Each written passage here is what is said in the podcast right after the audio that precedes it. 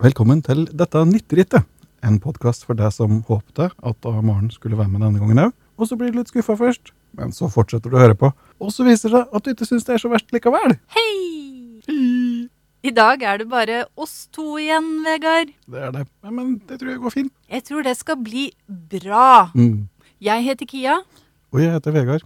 og sammen er vi Kia og Vegard Martinsen. Forrige gang så hadde vi også vår eh, første gjest noensinne, og sitter igjen med gode minner fra det, siden både vi og podkasten er porøse organismer som lar oss prege av de som sklir oss nær inn på livet. Så vi har jo litt av Maren eh, AKA Fuksias ånd med oss ennå. I hvert fall så håper jeg at det er et eh, par hakk mer edgy og gubbeeiete enn før. Ja, jeg føler meg veldig tøff og kul. akkurat nå. Jeg syns du er tøff og kul. Men det er jo sånn Man endrer seg jo alltid litt Ja da. gjennom, gjennom de man møter på sin vei. Det er, og, og, og denne gangen var det positivt. Ja, det er ofte en fin ting, så det gjelder bare å sørge for å møte stort sett bra folk. Det er sant. Eh, Men nå er vi jo som sagt her bare du og jeg, og skal gjøre som vi pleier. Og det er jo å snakke om livet, odalen og slikt. Det er det. Det er jo en podkast der vi, vi tar opp eh, forskjellige aspekter ved livet, Odalen og slik. Og vi gir eh, velmente råd og tips og Tips og triks og life hacks. Og vi prøver å hjelpe dere med, med eventuelle problemer eller eh, spørsmål de har i livet. Mm. Og det de kan gjøre, er også å skrive inn eh, til oss og fortelle om disse problemene. Det er ofte en forutsetning for at vi skal kunne hjelpe dere. Vi må vite om det. Og da sender de en mail til nitteritet.gmail.com. Nitterittet Vi blir veldig glade når vi får brev fra dere. Og det er ingen problemer eller dilemmaer eller greier som er for store eller for små. Nei. Og så er det jo sånn at vi sitter jo ikke her og tror at vi veit så veldig mye bedre enn alle andre. Men Neida. ofte så nytter da å prate om det. Ja, så det kan være litt artig da, å høre noen annen sitt perspektiv, og de andre kan jo være oss, ikke sant? De Ja. trygge folk, de kan, de kan gi perspektiver. Jeg har fått tilbakemelding fra noen som sier at eh, de har tenkt å skrive inn, men så går de og tenker på hva de skal skrive. Og så mens de gjør det, så løser de problemer sjøl oppi huet. Det må de slutte med. Nei, jeg er glad for at vi også kan ha den funksjonen, altså. Ja, hvis jeg setter i gang prosesser hos folk, det er bra. Ja. Kjempefint. Men eh, også så har vi et eh, lite Vipps-glass, eh, som vi kaller det. Det er jo ordspill på tipsglass, da.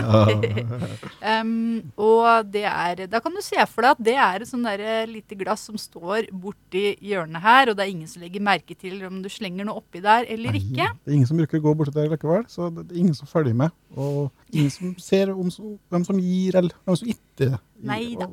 Så det går bra. Men nummeret er i hvert fall 81 34 59. 81, 34, 59.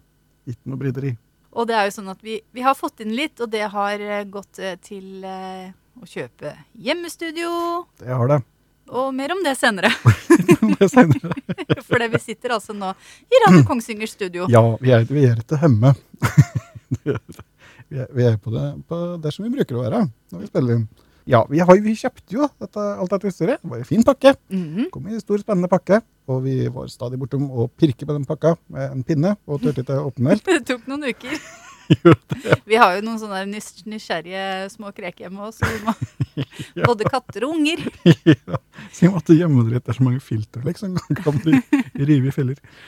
Men nå har vi, har vi åpne, og vi har eh, prøvd å få på plass det. Og det, det, det bringer oss over i en liten underspalte her, som vi har kalt eh, Heimestudio Nytt. Mhm. Dagens saker der er Alt går til helsike. og jeg hater at det aldri noen gang skal være noe som er lettvint.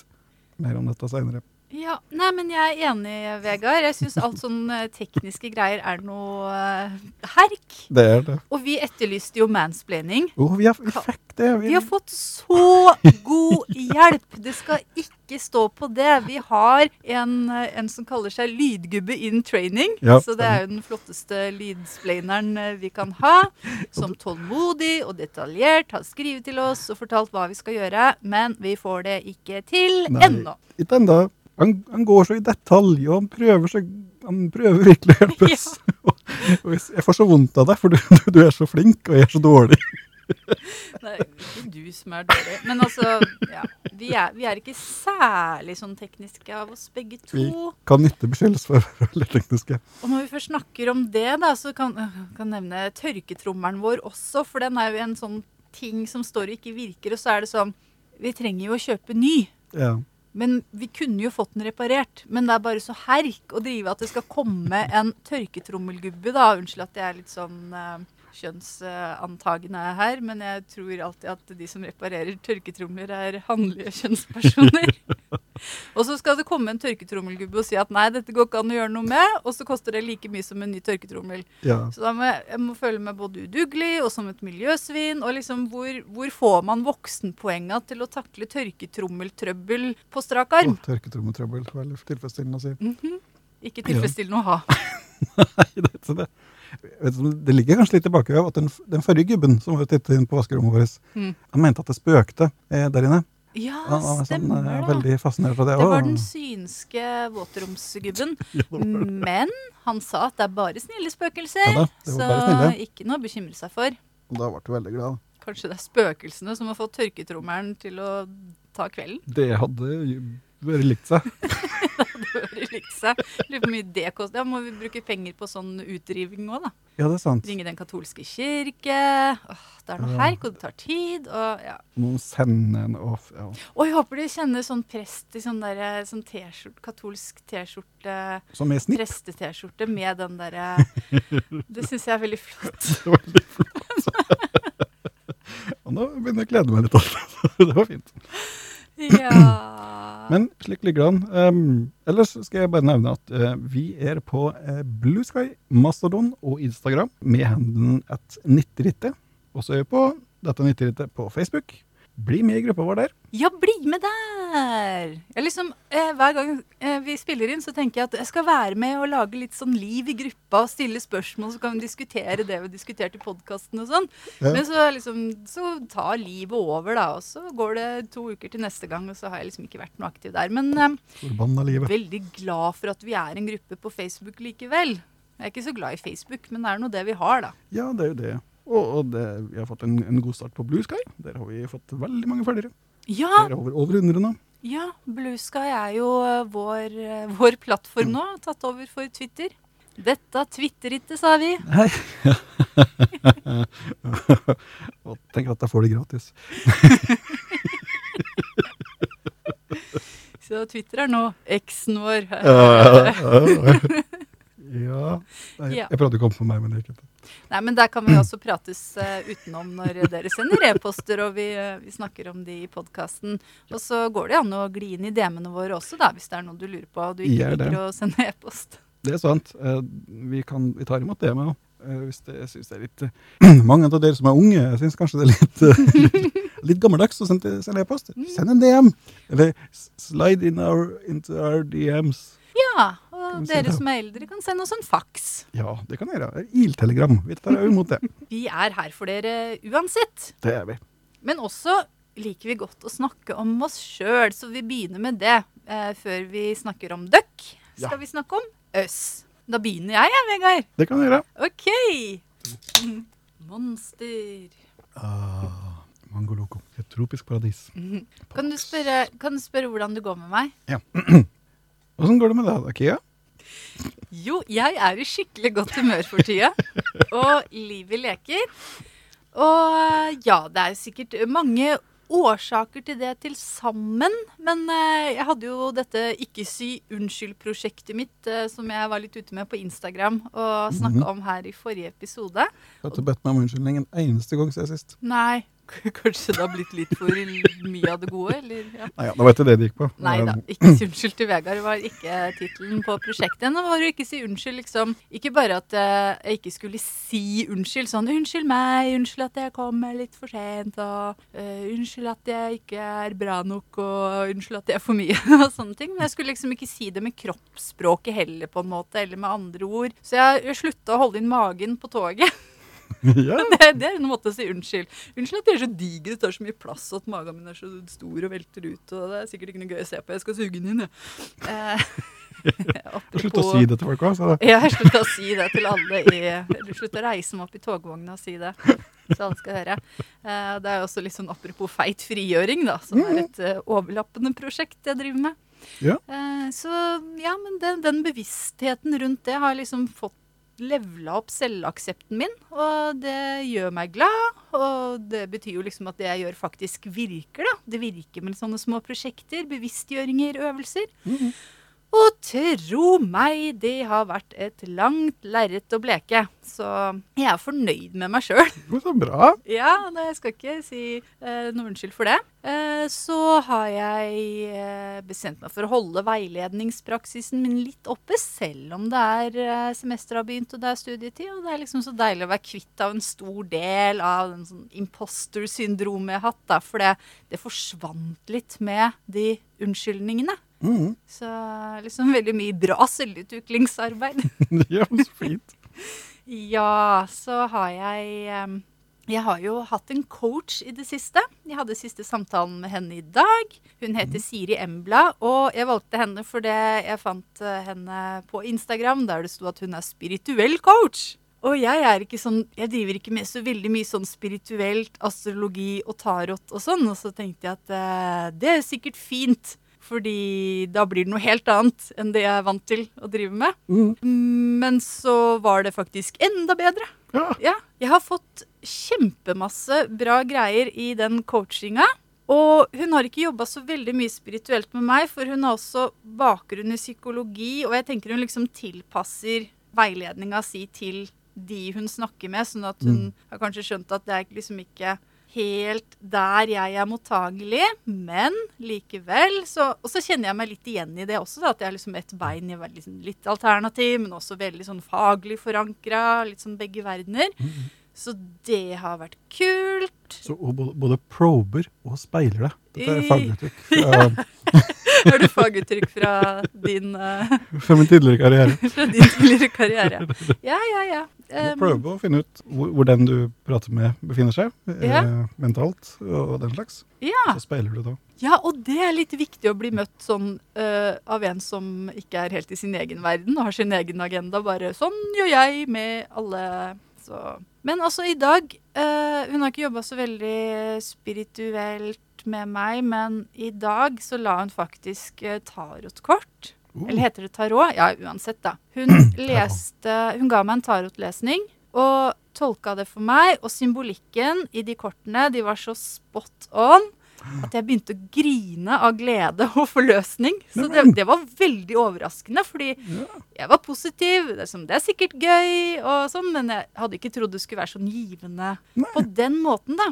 Fordi et av de kortene fikk opp noe som jeg var litt blind for, og som vi ikke hadde snakket om, da, selvfølgelig. Mm. Fordi jeg var blind for det.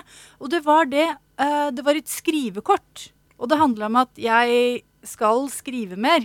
Ja. Og da sa jeg at ja, ja, jeg skriver mye og sånn, ja, men jeg skal jo ikke skrive sånn veldig med Jeg skal jo ikke skrive bok eller ha noe sånn prosjekt, for jeg vil jo bare skrive om meg sjøl, og jeg har liksom ikke noe å skrive om. Og da så hun det! At Kia, du sitter jo og unnskylder deg, Uh-oh. og, og liksom tuller bort eh, skrivetalentet ditt og rakker ned på deg sjøl. Ja. Og da så jeg at ja, men det har du jo helt rett i. Og det, jeg har jo vært veldig sånn flink til å jobbe med å ikke rakke ned på meg sjøl. Liksom, mm. sånn. Men akkurat på det med skriving, for det har vært så nært knytta til det jeg egentlig har lyst på, mm. at jeg liksom ikke har orka å Du har ikke implementert, implementert det der? Det med å ikke et unnskyldende? Jeg har på en måte gjemt det inni meg. Gjemt Ja. det for meg sjøl. Fordi da jeg var liten, så var jeg veldig sånn til å skrive og flink til å skrive stil på skolen og sånn. Mhm. Og så har jeg fått kritikk for det jeg har skrevet, da, liksom, og det har jeg tatt så hardt, så jeg har liksom tenkt at ja, men jeg er en hobbyskriver og koser meg med det, og bla, bla, bla, bla. Og det er en kjempefin ting. Men altså, jeg kan faktisk ta det seriøst også. Ja. Det var det jeg skjønte i dag, da. Og det var liksom sånn Det høres ikke så stort ut, men du har noe som er veldig viktig for deg, som du har gjemt for deg sjøl, er viktig for deg, og så plutselig åpner det seg, og så er det i en sånn positiv, i et sånn positivt lys. Så det var veldig forløsende og veldig sånn gledelig, Gledelig, det løsna noe, åpna noe eh, Ja. i det.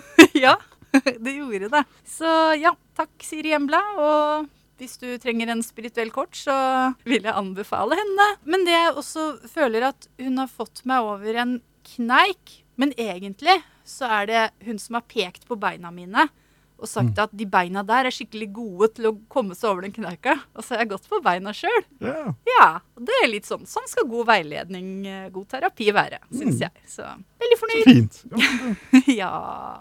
Um, ja, jeg, jeg har lyst til å snakke mer om meg sjøl, jeg. Kan yes, med det? på. Ok.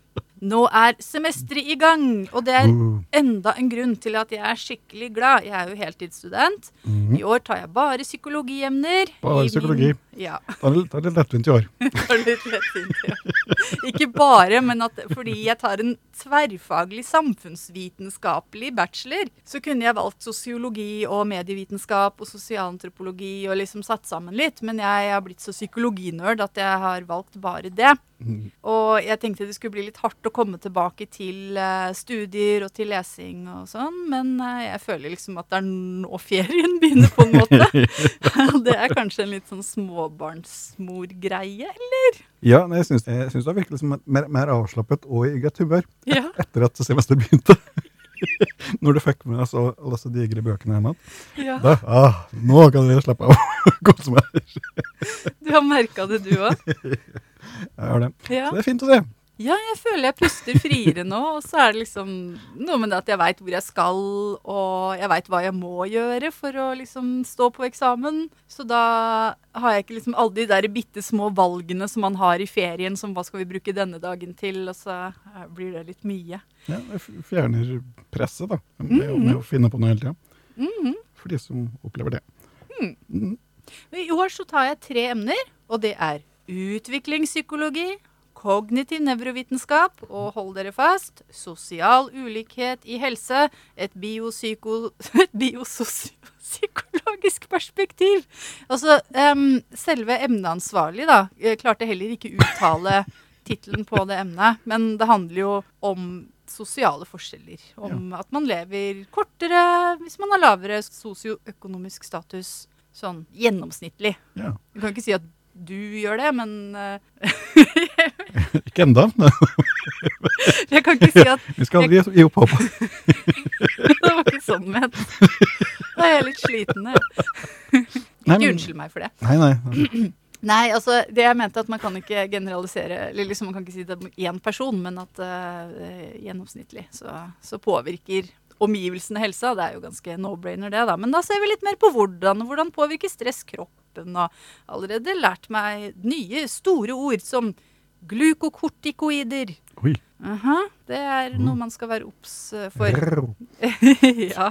Jeg husker ikke akkurat nå om det er bra mye eller lite av det. Jeg tror det er sånn man skal akkurat passe av. Men eh, ja, det kommer jeg tilbake til. Fremdeles lenge til eksamen. Heldigvis.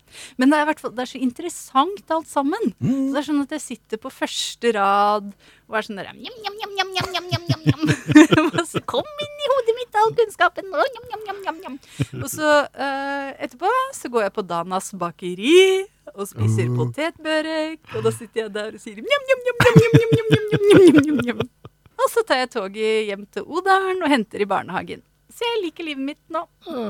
Men også har jeg en foreleser som bare spiser kjøtt. Så det blir veldig spennende å se hvordan dette semesteret blir. Du har fått din egen jøllepé. Jeg tror det. det hvor ellers har han det fra, liksom? Er det noen som går på den bare kjøttdietten som ikke er litt sånn i jøllepé-landskapet? Det, det er jo noen som gjør det. Noen veldig få som gjør det av, eh, må gjøre det av helsegrunner. Ja. Men at, jeg tror det er ideologiske grunner. Det er fordi han skal leve så lenge som mulig. Ja, da, ja. Så det er ikke det at han må, men eh, han, han må det hvis han skal bli høngammal, ja. tror han sjøl, da. Eller veit han sjøl. Jeg vet ikke. Nei, Han er jo doktor, professor, Ja. og jeg er jo bare en eh, middelaldrende småbarnsmor eh, som er bachelorstudent. Hva, vet jeg, men jeg Det blir spennende å se, da. Og når Attian starter. Ja, det tenkte jeg også på. Og gir deg en kukertur. I dag morges når jeg spiste fire knekkebrød til frokost, så satt jeg og tenkte på han som bare spiser biff. Og så tenkte jeg det skal bli spennende å se når han dør. Må, vi må følge med framover. Ja, og jeg ønsker ham et langt og godt liv, men det er litt sånn Hvis han dør når han er 70, da, Mm. om seks år, Da slipper jeg å føle at å, jeg burde ha spist bare kjøtt. Kanskje. For alle vil jo leve så lenge som mulig. Og, liksom, og da er det veldig lett å tenke Kanskje jeg burde gjøre det?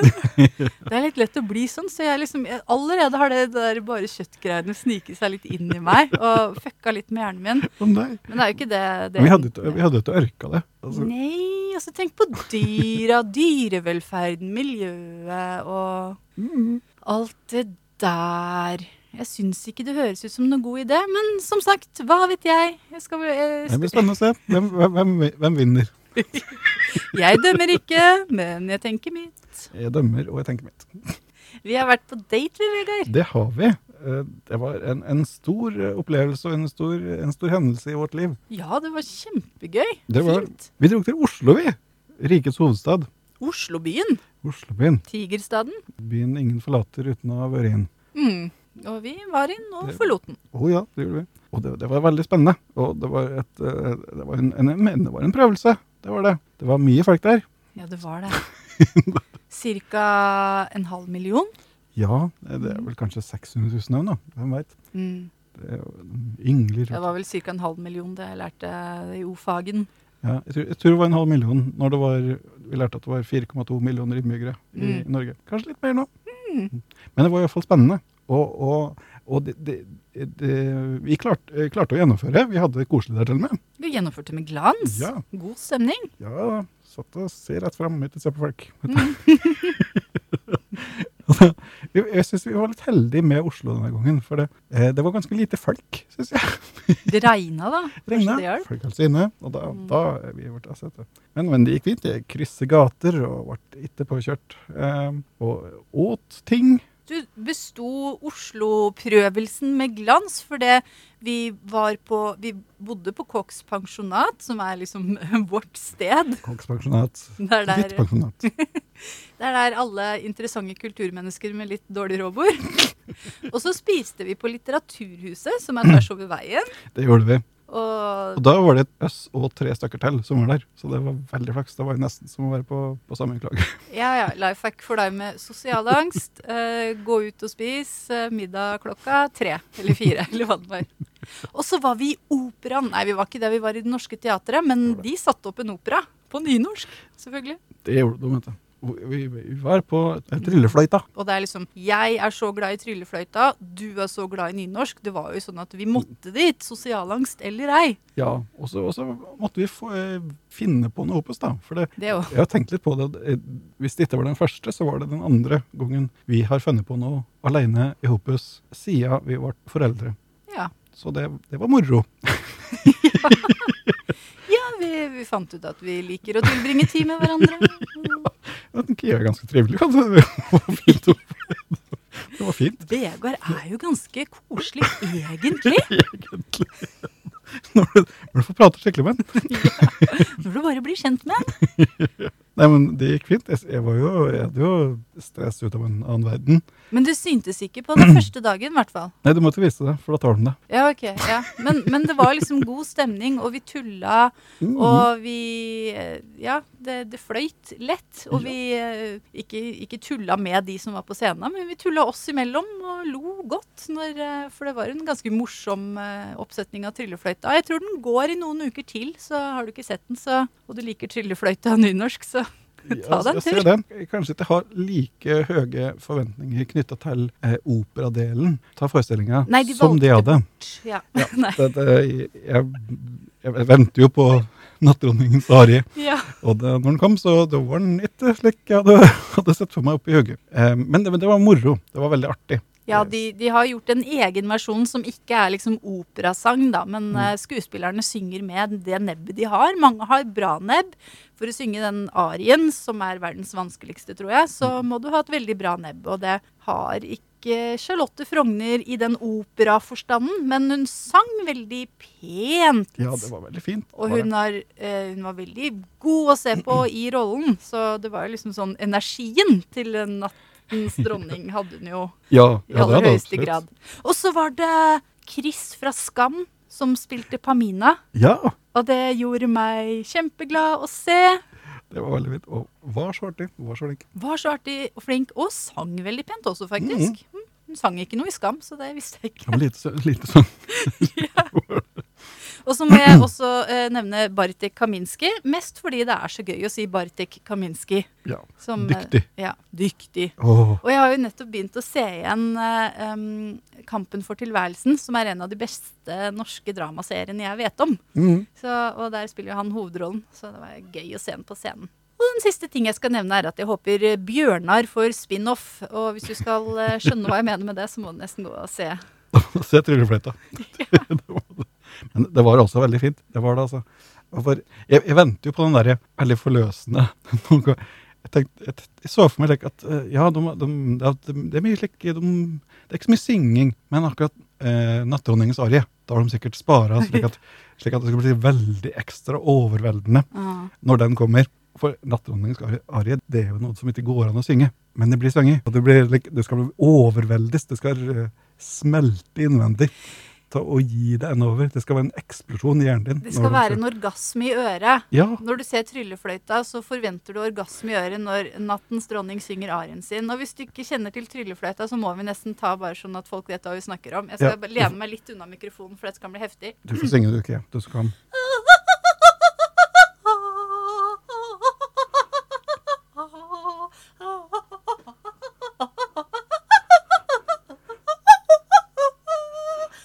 videre. Og Charlotte Frogner sang den veldig mye bedre enn jeg gjorde nå, men eh, ikke helt på sånn derre sopran på den ekte operanivået, da. Så, så jeg, jeg ble litt sånn blown away. Eh, som jeg hadde, jeg hadde sett det så levende for meg i huet mitt. At datteren hennes Ari skulle komme, og så skulle ødelegges innvendig på en god måte. Ja, ja. Og, og bli et, et tomt skall av tårer og følelser. Eh, det ble det ikke. Men det var, det var veldig bra. Det ble det lell. Ja, og jeg, jeg, jeg så liksom hvor du bar, og jeg bare syns hun naila hele opptredenen. At det, det var liksom perfekt var dame for var- eh, rollen. Så, og jeg liksom skjønte allerede hvor det bar med måten eh, han som spilte Tamino sang. Så, mm. så det var oss og tryllefløyten, som er en av våre store felles interesser. Det er det. Så Åh, det var håper det var like moro for deg å høre på som det var for oss å snakke om. Og så Jeg var jo med på Danas bakeri. Du har vært på Danas Ja, for jeg, jeg, vi kryssa eh, Blindern eh, på kryss og tvers. At jeg måtte se henne Kia holder til. Og nå har jeg vært alle steder. Ja, jeg dro deg med rundt på Blindern på en søndag, så det var jo nesten ikke folk der. Men vi, vi var aldri innom Dobus Juridica, så det var ikke vi som heiv alle de møbla rundt der. Nei, det er ikke på Blindern heller. Det Så den, nei. nei. Vi har ryggen fri. Det var så mange Domus. Ja, det, var, det er flere Domus domser. Artistica. Mm. Ja, men det var til Østa, i hvert fall. Det var veldig fint der. De har det bra, de som er på Blindern. Ja, da var du litt merkbart prega av sosialangst, da. Så jeg var litt sånn eh, Fikk litt dårlig samvittighet for at jeg dratt deg opp dit. Og så var det litt sånn Ja ja, det er sikkert ikke så stas å gå rundt på en tom plass og se på masse tomme bygninger, men jeg bare vil at du skal ha et bilde i hodet når jeg kommer hjem. Er så bla, bla, bla. I dag har jeg vært der og der. Bla, bla, bla. Jeg hadde vel en etterreaksjon fra kvelden før. Dette, okay. var jo, dette var jo kvelden etter at vi hadde vært i operaen. eh, Mm. og ettergreier, så da, var jeg litt kjørt opp i hugget. Eh, men jeg, jeg, nå, på, på, når jeg er litt på avstand, så var det jo veldig fint å se, eh, se hen, du, hen du går på, på skolen. Ja, det er fint å skole, vise deg det, sånn at du kan få liksom ha bilder i hodet du også. Og at du har eh, smakt på potetbørken på Ja. Dana bakeri, for det er liksom en helt egen greie. Og det er jo den lille liksom gatekjøkkenaktige Men det er ikke gatekjøkken, det heter bakeri, men det er liksom det er sånn tyrkisk bakeri, da. Mm. De har sånn børek og sånn der. Samosa og Det var en veldig god børek, det var det. Ja, det er det, og det, den er så viktig for meg. Jeg har jo snakka om den her før. Jeg har snakka om den i den spalta om ting som gjør livet bedre og sånn. Så Den gjorde det livet bedre. Den gjorde den gjorde livet bedre. Ah, bakeri. Altså, det var en fin tur. Det ble. Nå ble det nå ble dette en liten fellesdel. Ja, nå ble det liksom meg, og så er det oss, og så er det deg. Nå er det meg. Åssen går det med deg da, Vegard? Jo, har, nå har jeg fullført eh, et av de tiltakene som jeg, jeg gikk på.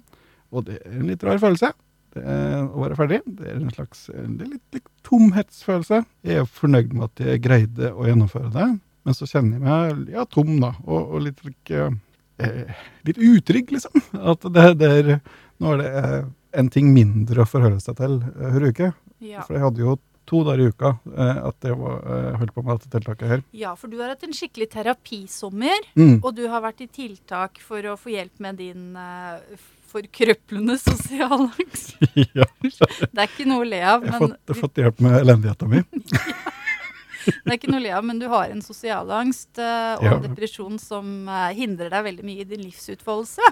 Det. Og du har fått veldig god hjelp og oppsøkt terapi, går i terapi, og også fått sånne tiltak fra gjennom Nav og, Mm. og den slags. Og blitt kartlagt og uh, utreda og alt mulig. Så det har vært mye med det i sommer. Det har vært veldig mye. Mm. Så jeg er ikke noe bedre, men det var heller ikke det målet med akkurat dette tiltaket. Det var jo mer å få stadfest at jeg, jeg for tida faktisk er eh, reglende Mm. Uh, og ikke kan gjøre nytte for meg.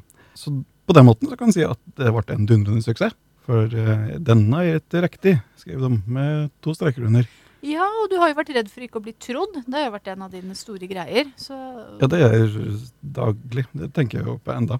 mm, Det verste når du sliter psykisk, er jo at, noen, at folk ikke skal tro på det. mm. At du bare finner på. Her ble jeg tydeligvis trudd. Den indre mobberen min sier at det var Å, tenk at du klarte å lure deg. Har holdt på så lenge. Nå har du lurt mange. Nå har du lurt en psykolog i flere år, og fastlegen og Nav. Og ja, det er det. Men jeg tenker hvis du er så god til å lure folk, og du er så lat at du heller gjør det enn å jobbe, da er det liksom Da fortjener du hjelp uansett. Ja, vær så god. Så det er en vinn-vinn-situasjon på en måte. Ja, det er sant. Jeg er så god til å ljuge, sier jeg. Ja, men da er du så sjuk. Hvis du gjør det, så er du sjuk i huet da òg. Og da fortjener du sjuk i huet-hjelp. Ja, det er sant. Hm. Nyttig perspektiv. Mhm. Ellers så har jeg da, eh, i tillegg da, eh, fremdeles en karsrygg som gjør sitt beste for å ta livet av meg. Eh, det er vondt, det plager plagemøkkatur meg. Og det, det verste er jo det at det, det gjør at jeg ikke engang greier å, å bidra med like mye av det, da det verslige jeg prøvde å få gjort hjemme. Så det, det verslige jeg kunne bidra med hjemme, er nå enda mer redusert. Ja, så din indre mobber sier jo til deg nå at nå er du liksom enda mer ubrukelig enn du er på en god dag. Det, Ja, er, den derre fyren er jo skikkelig fæl og tar tak i det, det han kan. ja så fort han har noe å ta med på, så gjerne. Og nå har han noe å ta med på. Så, At du har vondt i ryggen, det er noe du skal tas på. Ja, Ja. da, for nå er det i hvert fall ikke noe Nå gjør det litt noe! nå ja. din, Men nei, ja. Er det rimelig, da? det er ikke det. Jeg syns ikke det er pent gjort. Men du verden som jeg får gjennomgå. Ja, så det, var, det, det å få, få vondt i karsryggen det ble et, et velkomment tilskudd til sjølforakta mi. Som om det trengtes. Eh, ja, og så har jeg prøvd å sette opp miksebord da, og mikrofoner til, til eh, hjemmestudio. Og spektakulært ikke greid det. Mm. Og jeg var så herm og frustrert og skuffa meg sjøl. Og satt forbanna livet øh, og hetsa meg til for dette. Til langt utpå morgensida i dag. øh, Og kjente meg helt og komplett ubrukelig. Og så sov jeg i fire timer, og så dro vi hit. Ja. Bra oppsummering. Nå. nå skal vi ha det moro! Jeg syns det er så interessant at du kjefter på deg selv for at du ikke fikk til en sånn teknisk eh, For oss, da, komplisert greie. For jeg får det heller ikke til, og du kjefter jo ikke på meg. Nei, nei. Nei, er ikke det, er ikke det urimelig, da? Jo, det kan vi si, men det, vi hadde liksom en avtale at jeg skulle ordne det, det tekniske. For nå, blir, nå får du mindre tid til det nå som du er i gang med studiolek. Så er liksom veldig, jeg var veldig innstilt på at ja, nå skal du forstå dette. Nå skal du være skjerpa. Nå, full, eh, full ordnings nå. Mm. Og så fikk jeg i tillegg så fikk jeg god hjelp ta eh, lydgubbe in training. Mm. Og jeg følte at jeg hadde alle, alle forutsetninger for å klare det. Og det er noe det jeg prøver å få gjort. Det er noe som er mulig. Mm.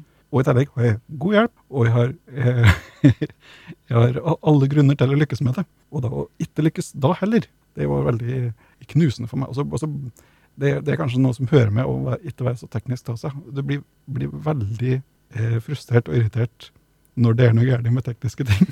Ja. ja, jeg kan kjenne meg igjen i det, jeg også. Det der, så, men jeg, jeg blir irritert på tingen, da, ikke på meg sjøl. Litt som treåringen som ikke får til å knytte skoa sine og blir kjempesint på skoa.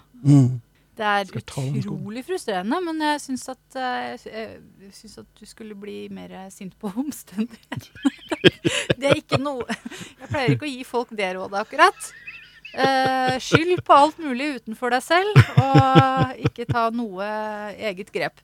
Men akkurat i dette tilfellet så tror jeg at, eh, i, at vi kan eh, si at det er eh, miksebordet og oppsettet som det er noe med. Det er ikke noe feil med deg.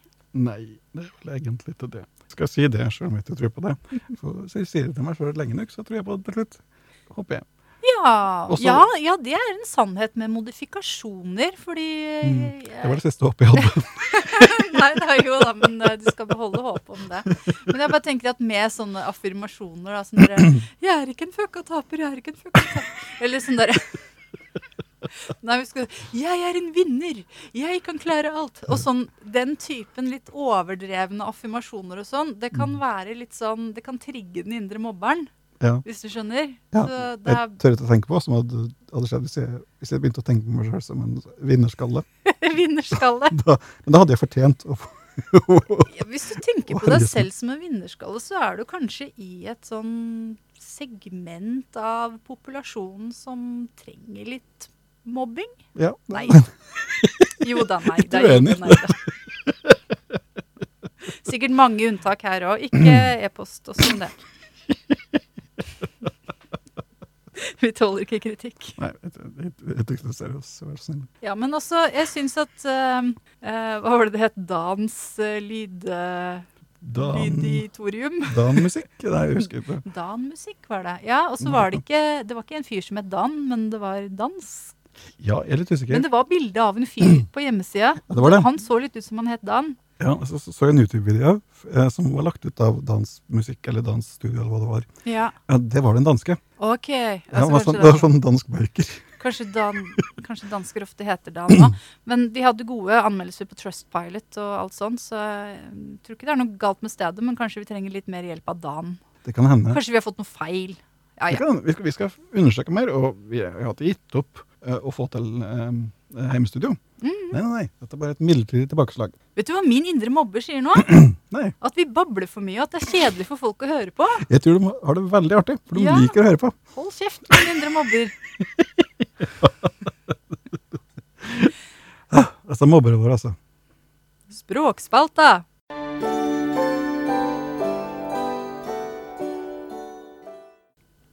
Ja, språkspalta har vi, og språkspalta er vi. Denne gangen i Språkspalta skal vi ta for oss noe som eh, Det kommer, et, kom et forslag fra, fra Maren, faktisk. Ja, det var fordi Maren, når hun besøkte oss, så uh, kjørte toget forbi uh, et sted som het Daskerudstrand. da. det hørtes jo morsomt ut. Ja. Og da fikk vi ideen. Hvorfor ikke ha en eh, språkspalte med rampete navn? Ja, så det, det har vi satt sammen nå, da. Og nå, nå kommer det en liten liste med artige navn. Litt rampete navn. fra, fra nærområdet vårt. Og jeg, jeg kommer med forklaringer på disse navnene, bare for å ødelegge magien. Men jeg skal jo bare sette i gang. Ja. Det første stedsnavnet er Hølet. Og her trengs det ut mye fantasi. En, eh, dette kommer da fra, fra dialektordet høle. Altså ei høle, det er dæle.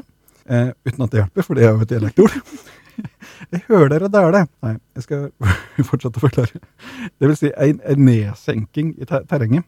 Som en liten dal, da. Ja. på en måte. En liten dump, en dulp. En dulp. Og det trivelige her er jo at det hølet, det er jo eh, en av de mest absurd idylliske plasser i Odalen. Det er altså en, en, en trølsk, magisk liten dal langt oppe i skogen, som er helt dekket av et, et pledd av blåveis. Ja, det er helt nydelig. Og så liksom på våren så skinner sola inn gjennom tretoppene, så det blir sånn der solstriper ned på det teppet av blått. Det er Det er ganske det. nydelig. Og det er så fint. Eller vi burde si var, for nå er jo den skogen høgd ned. Eh, og det likte ikke blåveisen så godt, så den stakk av. Men det var veldig fint der. det, det var det. Til tross for navnet, da. Har du flere navn? Det har jeg, vet du. Den neste er Knølla. og det, det, er jo egentlig litt rampete, men det bare høres veldig likt ut. Så, så vi tok det med Lelvi. Eh, det betyr jo da eh, knollen, altså en topp. Eh, men, men tankene vandrer jo hen til eh, samtykkende kjønnslig omgang mellom likestilte partnere over seksuell lav lav alder. Det er jo det. Det gjør jo det. Det gjør det. Du sier knølla. Ja. Ja. Jeg er bare på knella. Se da. Neste, det er Kuserud. Mm. Ja, den er jo like fram og fin. ja, så koselig. det kommer jo da fra kuse og kunte. Altså, ku- og kunte, det er jo det, det er der eh, storbritene har eh, favorittordet sitt fra. Mm, ja. Og begge, både kuse og kunte, kommer fra taske eller beholder. Skjede, om du vil. Ja, en skjede, en slire. Ekuse kuse er navnet på det de dekte minebor eh, med, for å hindre at bordvannet stengte ned alle i nærheten når de borer. Det var gjerne en pakning med tettpakka granbar. Og med tanke på den jernmalmutvinninga eh, der som vi bor, så kommer det antagelig derifra.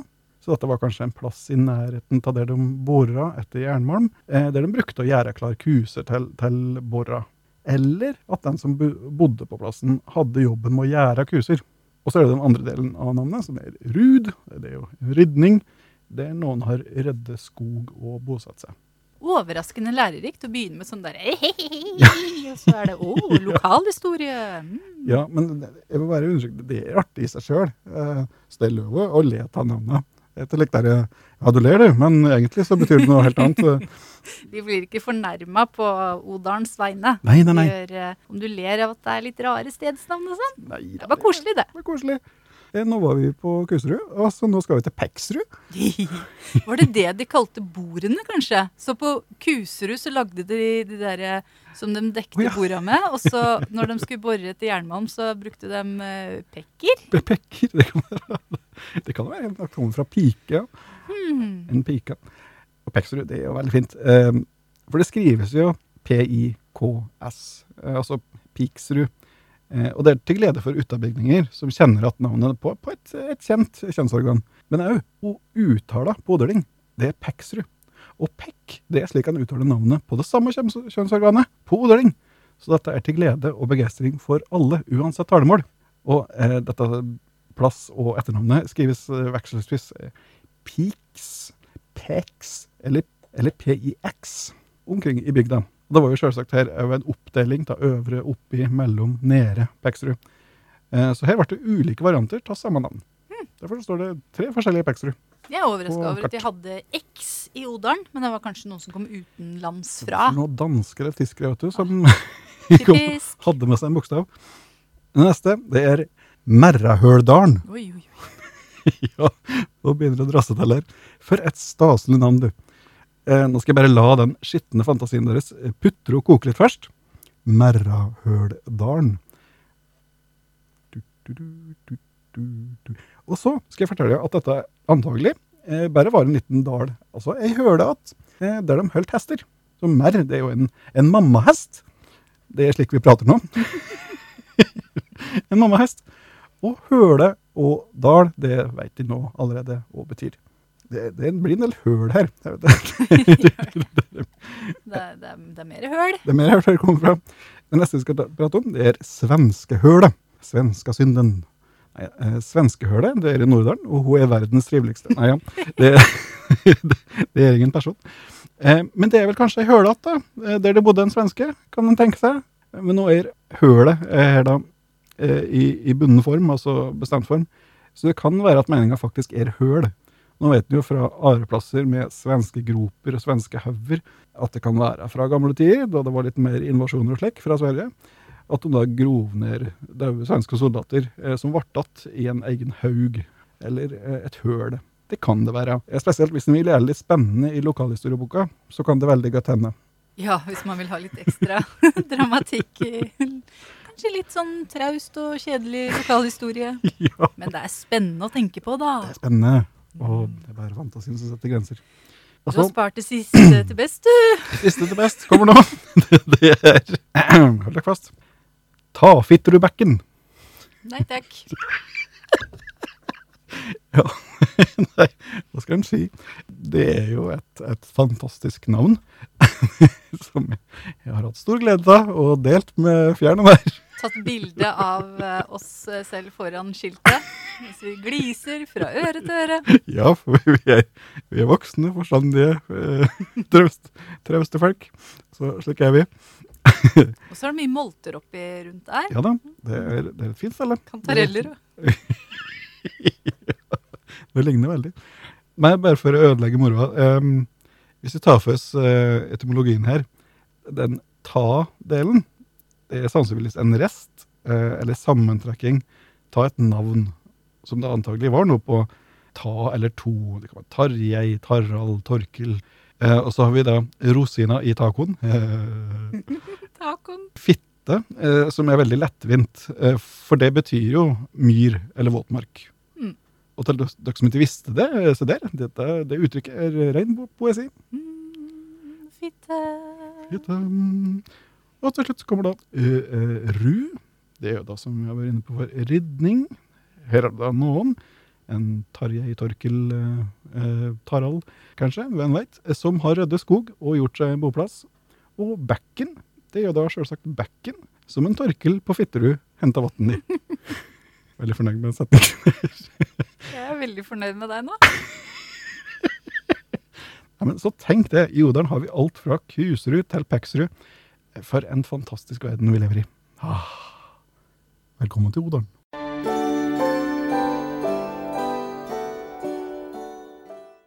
Nå har vi ommøblert litt i podkasten, og så har vi tatt uh, den eh, Kias verktøykasse, som uh, har blitt en fast spalte. Den skal vi heller nå ta mer som en sånn slags uh, liten, bitte liten underspalte som vi løfter inn og ut og bruker i Duck-delen. Mm. Når vi da leser brev og sånn. Så hvis det er noe sånn jeg kommer på en øvelse eller noe annet som kan være til nytte, så tar jeg det da. Men jeg fikk lyst til å beholde denne plassen her. Og ha et lite hjørne for meg sjøl, da. Sånn som Vegard har språkspalta, så kan jeg ha Kias eh, psykodramahjørne. Eller eh, som du foreslo, Vegard. Psykodramadama-hjørnet. Psykodramadama, det blir det altså meg. Vi får jobbe litt med tittel, men eh, det er i hvert fall dette vi vier tida til nå. Jeg er jo som kjent, eller kanskje ikke så kjent for alle, psykodramaterapeut. Og eh, det er jo noe jeg har nevnt mange ganger og bruker i alle sammenhenger. Men jeg har jo egentlig aldri noen gang gjort sånn grundig rede for hva psykodrama er. Eller hvordan jeg jobber med det. Så jeg tenkte at fra nå så kan jeg ha eh, denne plassen og snakke litt sånn om eh, psykodrama, selvutvikling og den slags. Men aller først skal jeg fortelle om hva psykodrama er, og hvordan jeg jobber med det. Og det blir litt sånn selvfølgelig eh, en litt kondensert versjon, hvor vi hopper over mye. Men bare sånn at du skal få litt mer sånn grep om hva det faktisk er, denne metoden. Mm, men så fint, for da, de ganger heretter som du refererer til psykodrama, Mm. kan du bare hoppe til denne episoden, så får du definisjonen. Ja, jeg tenkte faktisk faktisk Da at veit de at de, hva vi prater om. Ja, og så tenkte jeg faktisk at jeg skulle skrive litt mer om det på nett også, så da blir det litt mer ressurser å gå til. Men nå skal vi ta en tidsmaskin tilbake til tidlig på 1900-tallet. Østerrike, Wien. Og psykoanalysen var i sin pubertet, kan du si. Ja. Og så var det en fyr som het Jacob Levi Moreno. Og han kom liksom litt sånn i generasjonen etter Freud, eller en halvgenerasjon etter han, da. Mm. Og Jacob Levi Moreno, det var han som grunnla psykodramametoden. Og psykodrama hadde jo litt andre konnotasjoner på den tiden, så det hørtes litt mer det ga litt andre assosiasjoner, da, kan du si. For det, det henspiller på det greske ordet for sjel i handling. Altså at det er en aksjonsbasert metode. Når man hører det i dag, så er det mange som tenker Å, det hørtes voldsomt ut. Det er psyko. Det er drama. Det er galskap. Det kan det jo for så vidt også være òg, men bare hvis det er hensiktsmessig. Så psykodrama, eh, navnet henspiller på at det er aksjonsbasert, og at det er liksom menneskes, eh, menneskers egen, eh, eget indre da, som får eh, ta plassen. Mm. Så kort oppsummert så observerte Moreno barn i lek, og hvordan de helt spontant bearbeider opplevelser og øver seg på roller de skal innta i livet. For lek det er jo veldig viktig for utvikling, både hos mennesker og dyr. Og vi vet jo at i lek så kan man liksom eh, håndtere ting som er veldig skumle, og dra det ned på et mer sånn nivå som man kan uh, håndtere, da. At, uh, at man kan leke løve og spøkelse og andre skumle ting, og, og, og vokse gjennom det. Sånn at livet blir mindre skummelt. Moreno han var også teatermann, og han tenkte mye på Aristoteles. Aristoteles han beskrev jo hvordan man i klassisk gresk teater oppnår en renselse ved å delta i de gamle greske dramaene, altså som publikum. Eh, og Moreno han tok den treakters-strukturen, som også er med i nesten all sånn moderne vestlig historiefortelling, inn i behandlingen sin. Blant annet så hadde han gruppeterapi med sexarbeidere, som man jo da kan tenke seg ikke var blant de mest privilegerte personene i 1920-tallets Wien. Eh, og så, da med basis i lek og teater, så utviklet han spontanitets- og kreativitetsteorien, som er en av grunnpilarene i psykodrama. Man kan kanskje si at det er selve fundamentet, altså spontanitet og kreativitet. Han så på det som grunnleggende iboende krefter i menneskene. Og når de fungerer godt, da er vi fri til å finne de beste svarene på våre egne problemstillinger. Så Moreno så liksom som på menneskene Han var snak, brukte jo veldig store ord og var veldig sånn larger than life-type person. da, Så han sa 'bli din egen gud', og han var jo helt der, liksom. Mm. Men jeg er faktisk enig eh, i at eh, mennesker bærer liksom svarene i seg selv. Men trenger ofte å, å hjelp til å finne sine egne ressurser, da. Så kreativitet og spontanitet virker jo sånn sammen, sånn at spontaniteten det er evnen til å omstille seg, være fleksibel og ikke fryse fast i gamle handlingsmønstre som ikke fungerer. Og da kan du bruke kreativiteten til å finne de beste responsene for deg. Og en forutsetning for det er jo at du er trygg og fri i situasjonen. Så derfor legger psykodramatikere stor vekt på å lage en trygg og ivaretagende situasjon for de som deltar. Mm. Og så skal jeg fortelle litt mer om Morenos privatliv, da, for det er litt aktuelt for hvordan psykodrama gikk videre. Han var jo karismatisk, larger than life, og sånne personer, sånne menn, Lubberser, ja. er jo ofte skikkelig dong shuanger. Og han gikk ikke av veien for å innlede forhold med yngre kvinner. Og jeg tenker jo midt om det, for å si det sånn. Men én ting som er bra med det, er at han gifta seg med en veldig mye yngre kvinne som het Serca Moreno. Og det som er så bra med det, er at hun var veldig mye yngre, er at hun levde lenge etter ham. Og hun fortsatte å utvikle psykodramametoden til det den er i dag. Så jeg føler at jeg føler Serca Morenos metode like mye som mannen hennes. Fordi Mm. hun har eh, modernisert den, videreutvikla den og, eh, og jobba med den helt opp til Det er bare noen få år siden hun døde. Et annet viktig begrep i psykodrama, det er tele. Og det er også fra gresk, og det betyr noe sånn som kommunikasjon over avstand. Og det er viktig, fordi kort og enkelt fortalt så handler tele om at vi kan se hverandres virkelighet. Og det betyr at ideelt sett så skal jeg kunne oppfatte deg sånn som du oppfatter deg selv, og ikke blande mine egne forutantagelser inn i det. Uh, og noe sånn har jeg så langt aldri helt fått til at jeg klarer å legge mine egne greier helt unna. Men det er et godt ideal. Så i psykodrama så skal alle sine opplevelser bli tatt på alvor, og de skal bli hørt og behandles som en sannhet fordi det er deres virkelighet i øyeblikket. Så kan det hende at vi kan utvide og føre til flere perspektiver, og det er der spontaniteten og kreativiteten kommer inn. Så som psykodramaterapeut så blir jeg da en fasilitator for at du skal få tilgang til dine ubrukte ressurser, og du kan øve deg på nye måter å møte gamle situasjoner på, og gode måter å møte nye situasjoner på. Ja, jeg har uh, snakka lenge, føler jeg. og jeg har en hel greie til, for nå har jeg fortalt om hvor liksom, psykodrama kommer fra. Ja. Men nå vil jeg snakke litt om hvordan jobber psykodramatikere. ja, men det blir forskjellige bolker. Ja, ikke spare til neste gang. Nei, nei, nei. Nei, ok. Fortell mer. Fortell, Kia. Fortell. Ja, ok. Så da skal jeg snakke litt om hvordan jobber psykodramatikere. Og det er jo veldig ulikt og veldig mye forskjellig.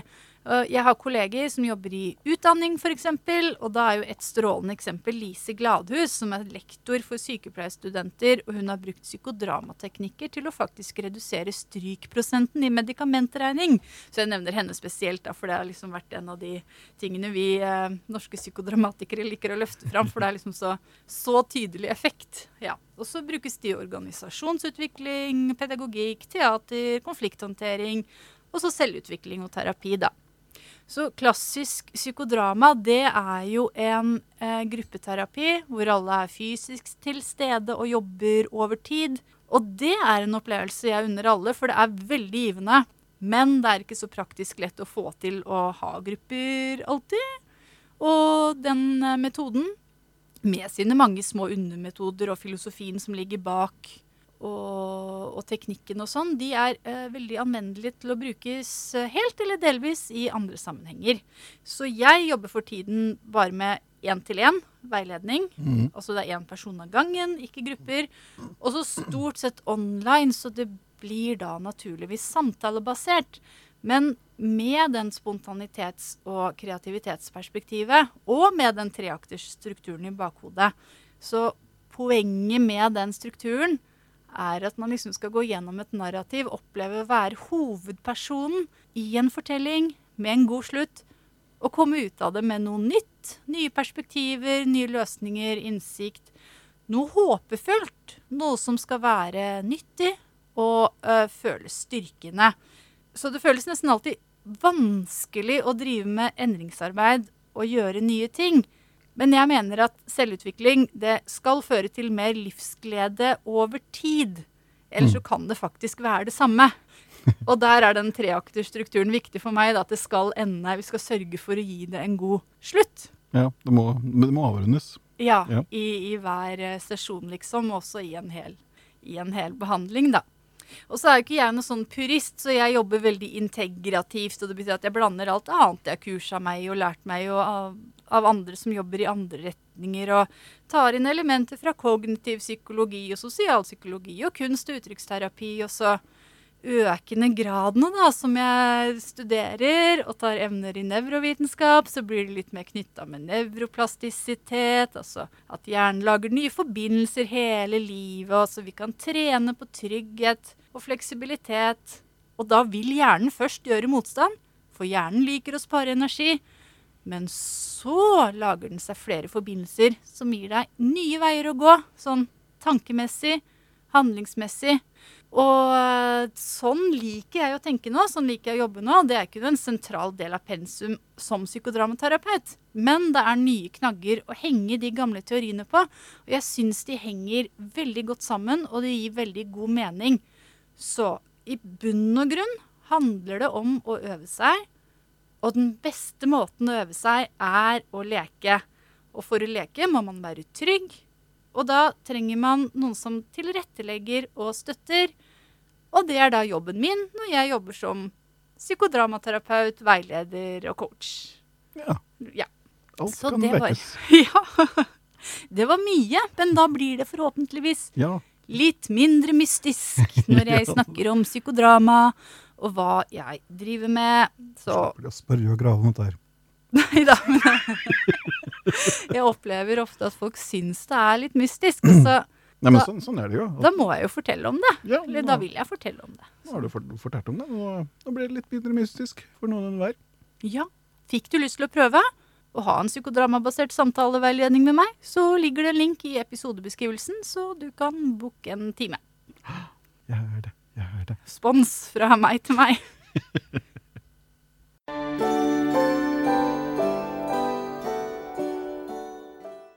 Da har vi kommet til duck-delen. Hurra!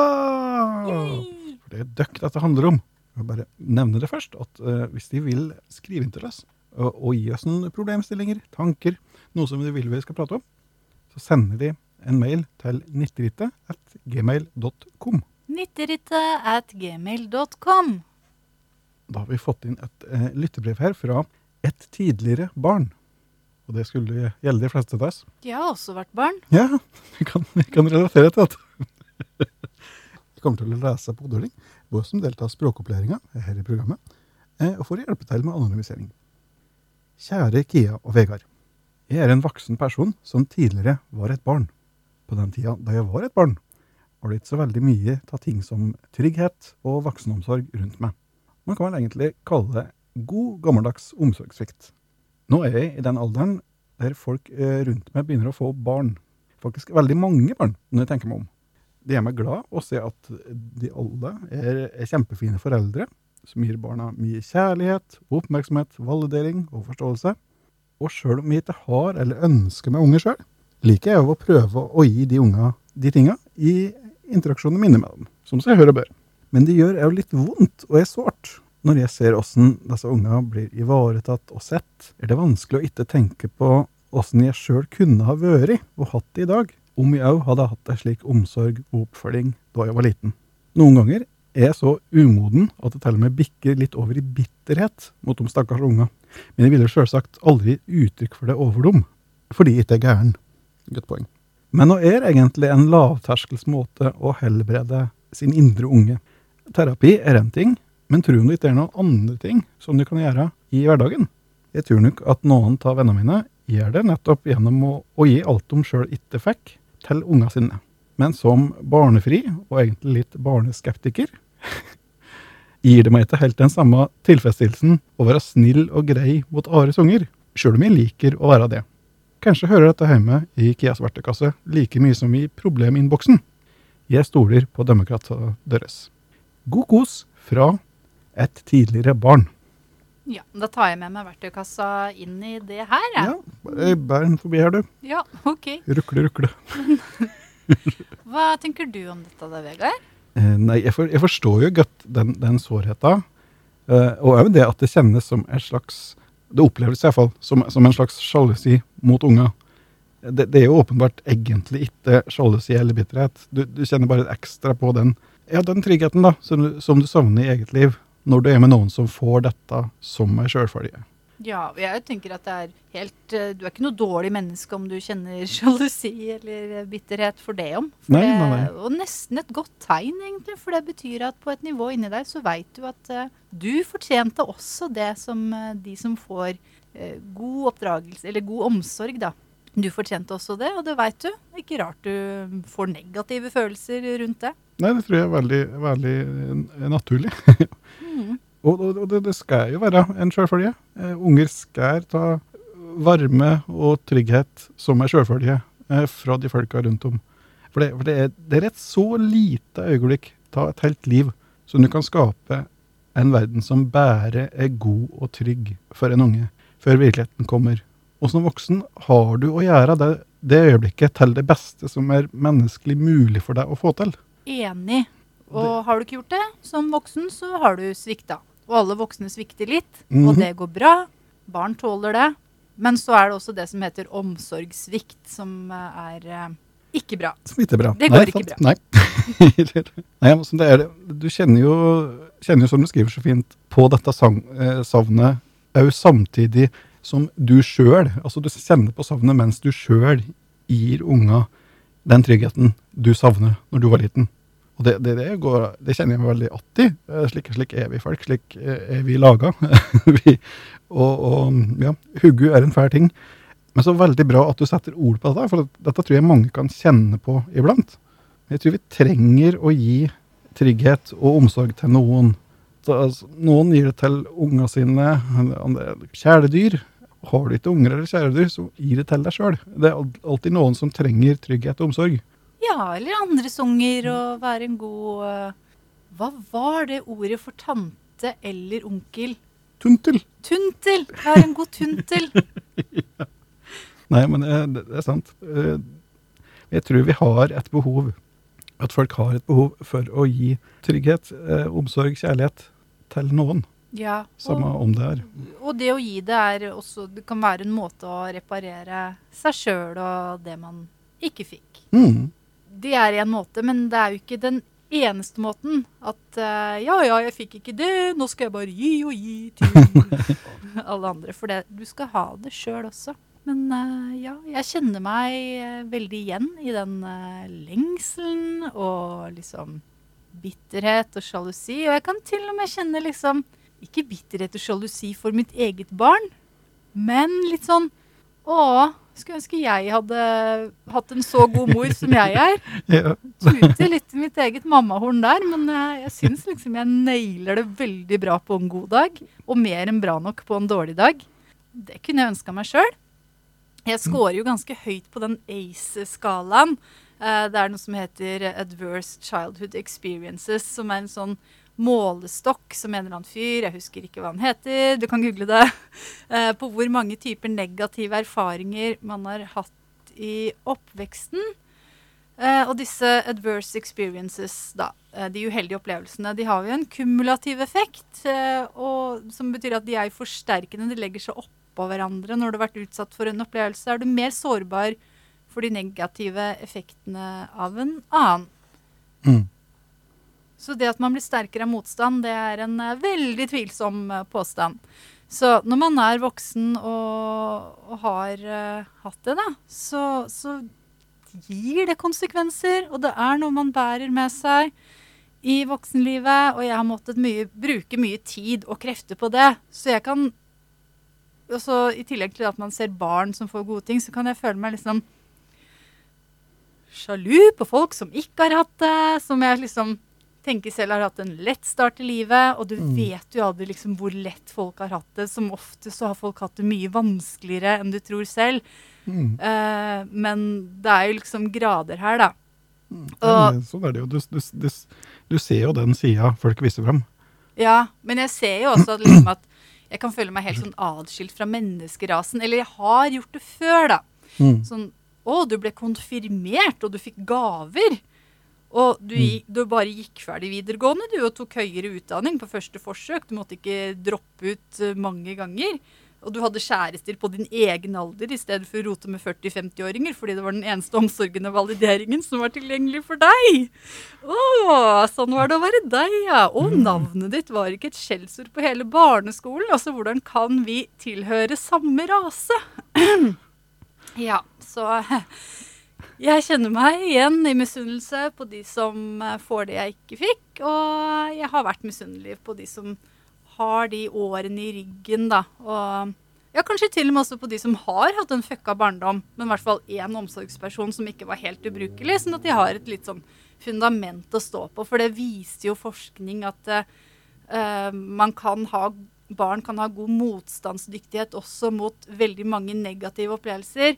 Mm. Og en av de tingene som gir dem det, er at hvis det bare er én person, én god voksenperson, så kan det gjøre masse. Ja. Men ja.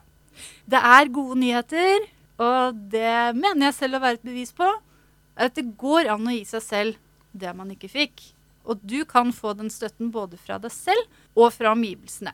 Så ja, jeg tar fram verktøykassa. Og så kan du, tidligere barn, og alle andre som vil gi sitt indre barn noe, være med på en øvelse.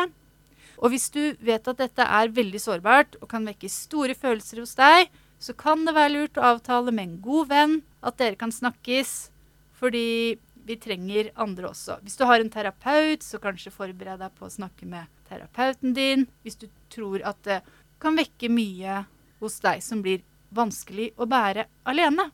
Mm. Fordi at selv om vi er veldig sånn Gi deg selv støtte og finn styrken i deg selv. Jeg tror jo det.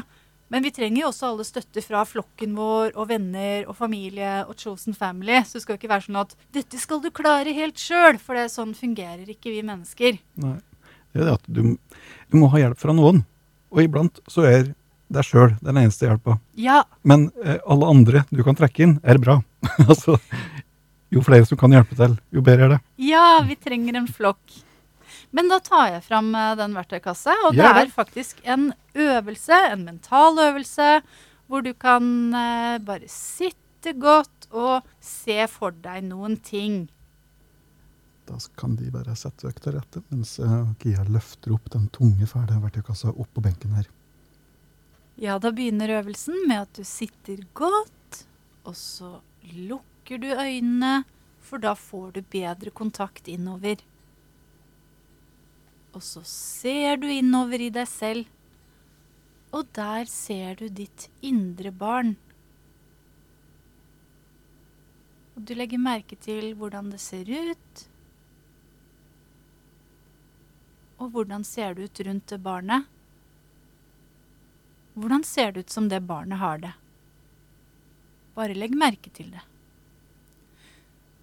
Og så sier du med myk stemme, for du er en god forelder for det barnet. Hei, du. Jeg vet at ting ikke har vært bra for deg. Du har opplevd vonde ting.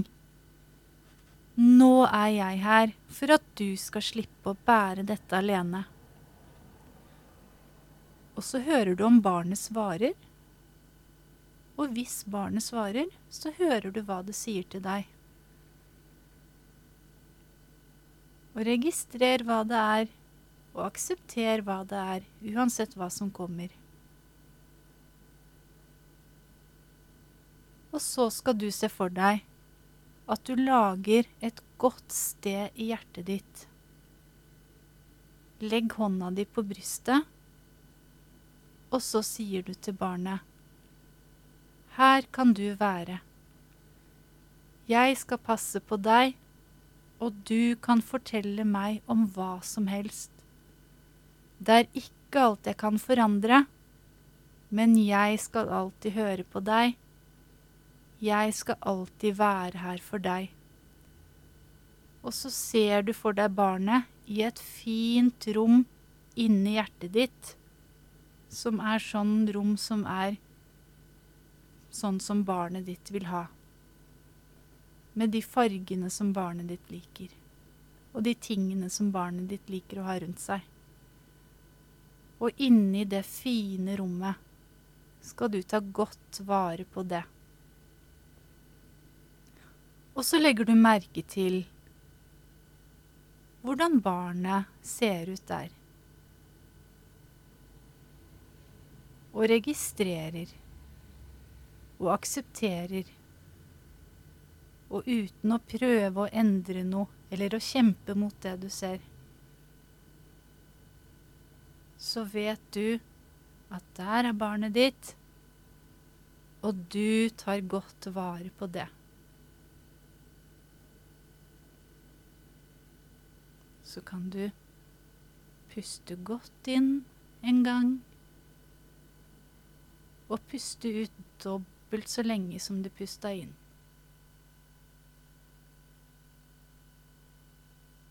Og pust godt inn en gang til. Og ut dobbelt så lenge. Så kan du slippe hånda fra brystet. Så kan du åpne øynene og komme tilbake til den nåværende virkeligheten i det tempoet som er bra for deg. Og så bare legg merke til hvordan du føler deg.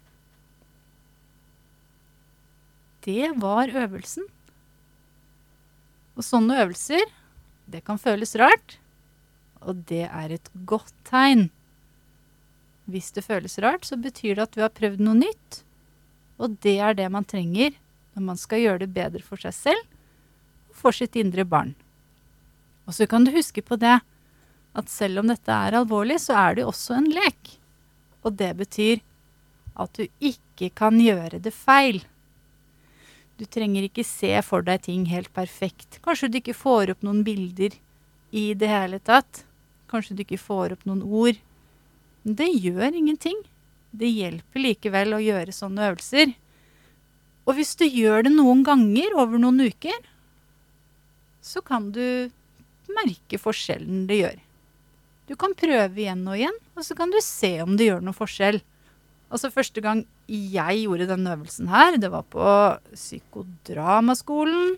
Et av mine første år der. Og da klarte jeg nesten ikke snakke til meg selv som liten, fordi jeg ble utsatt for så mye dårlig behandling som barn at jeg ville bare ha avstand fra Mm. det barnet jeg var da. Men det betyr også at jeg vet at sånne øvelser virker, selv om de føles unaturlige og rare. Kanskje spesielt, da. Mm. Mm. Og så kan du jo, når du har gjort denne øvelsen, også i hverdagen tenke litt på det. Tenke på det barnet som du har i hjertet ditt. Kjenn etter hva hen ville likt. Og er det noe du kan gjøre mer av, sånn at ditt barn får oppleve mer av det? Altså ta det med på svømmehallen, eller tegne, eller leke med Lego. Sånne ting som barn pleier å like. Hvis det var noe du likte å gjøre som barn, så gjør mer av det så får dere det forhåpentligvis fint sammen. Og så har jeg lyst til å si til eh, deg, kjære tidligere barn, har du lyst til å snakke mer med meg om dette, så kan du booke en time med meg eh, i den linken som jeg legger ut i episodebeskrivelsen. Det skal du få av meg. Så ønsker du det, så er timen din. Hvis du vil snakkes. Og lykke til både til deg og ditt precious indre barn. Ja, lykke til. Og god kos. God kos.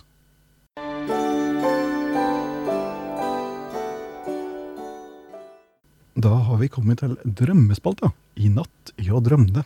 Ja, vi har rydda den inn under duck-delen, for det passer mye bedre der. Det er jo duck vi snakker om, bortsett fra at det er drømmer som duck har sendt inn. Mm. Og vi leser dem, og så prøver vi oss på litt sånn lett drømmetolkning, da. Det er det som er så morsomt med når folk skal tolke drømmer, så uh, ofte så sier de jo mer om dem sjøl.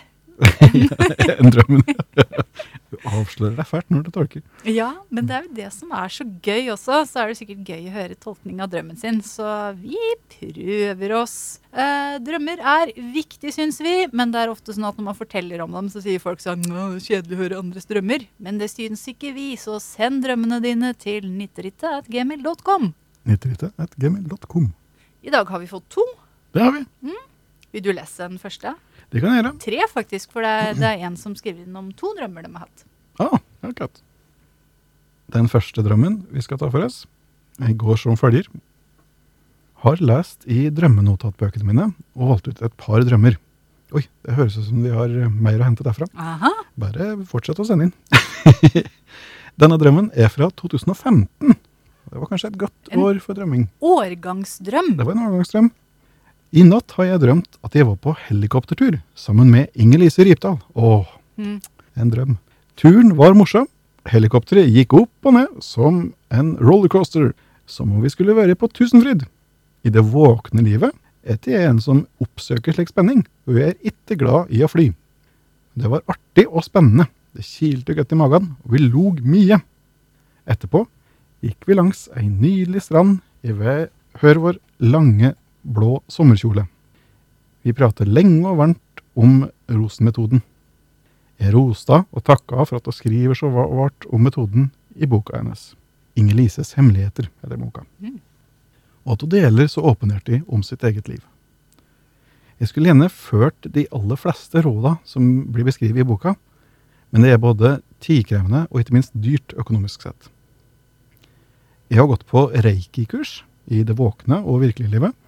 I drømmen kom kursholderen fra reiki-kurset og ga meg noen brosjyrer. Jeg husker ikke hvilke, men hun sa dette er sikkert noe for deg. For et par år siden drømte jeg at uh, svigerinne mi mm, spurte om jeg ikke skal bruke livserfaringa og kunnskapen min til å hjelpe andre mennesker. Hva skal du bli? Tenkte jeg i drømmen. Hvorfor har du ikke kommet med dette spørsmålet før? Jeg er i midten av 50-åra og vet uh, fremdeles ikke hva jeg skal bli når jeg blir stor. Veldig kjent uh, problemstilling. ja. og tenkte derfor at disse to drømmene er aktuelle. Kall meg gjerne Majai. Majai! Majai! Å, så morsomme drømmer du har, Majai. Altså, jeg har eh, mine helt egne teorier om hva drømmene dine betyr. Eh, Jeg tror du skal bli reikemester og eller rosenterapeut når du blir stor. Eller kanskje ikke så konkret, men eh, at eh, du ønsker å utforske noe slikt. Det er vel ikke helt urimelig å påstå. Nei, at du skal, skal leve ut, uh, leve ut uh, drømmer. og, br og bruke de erfaringer du har, og kunnskapen din, ja. og hjelpe andre. Det, det, det går jo en i begge drømmene. Ja, og så tror jeg du, du har sikkert Ja, du har jo tydeligvis lest den boka til Inger-Lise Rypdal. Den har jeg ikke lest, men den har betydd mye for deg. Og på den måten har også Inger-Lise Rypdal betydd mye for deg. Så når hun dukker opp i drømmen din, så tenker jeg det er et aspekt i hun som du kjenner deg igjen i. Mm. Sånn at du har de, eh, de egenskapene som hun har for deg, de har du i deg selv. Og de, eh, de ligger der og liksom bobler kanskje litt under overflaten. Kanskje de ikke føler seg nok brukt av deg og har lyst til å komme mer fram. Å gå i sånn derre blå sommerkjole, det høres jo veldig sånn fint og åndelig ut. og ja. Og så er det jo det Si, si at du er veldig glad i Inger-Lise Rypdal, og hun dukker opp i drømmen din, så er det liksom det, Da får du på en måte anerkjennelse. Ta Inger-Lise Rypdal. Ja. Tror jeg det, at uh, Inger-Lise eh, Rypdal vil, vil, eh, vil at du skal eh, bruke det du kan. ja. At det, det, hun, hun, hun, hun godkjenner det. Mm. Gi deg sjøl anerkjennelse. Mm. Mm. Vær din egen Inger-Lise Rypdal. Jeg veit ikke om dere hører det like godt, men det kommer sånn skrapebil utenfor. Så Ja, en sånn blikkboksgjeng. Blikkboksgjeng i Kongsvinger sentrum. Og så Jeg veit ikke hva svigerinna di representerer. da. Svigerinner kommer jo i alle mulige formater. Er det en som er litt kritisk, eller er det en som er veldig oppmuntrende?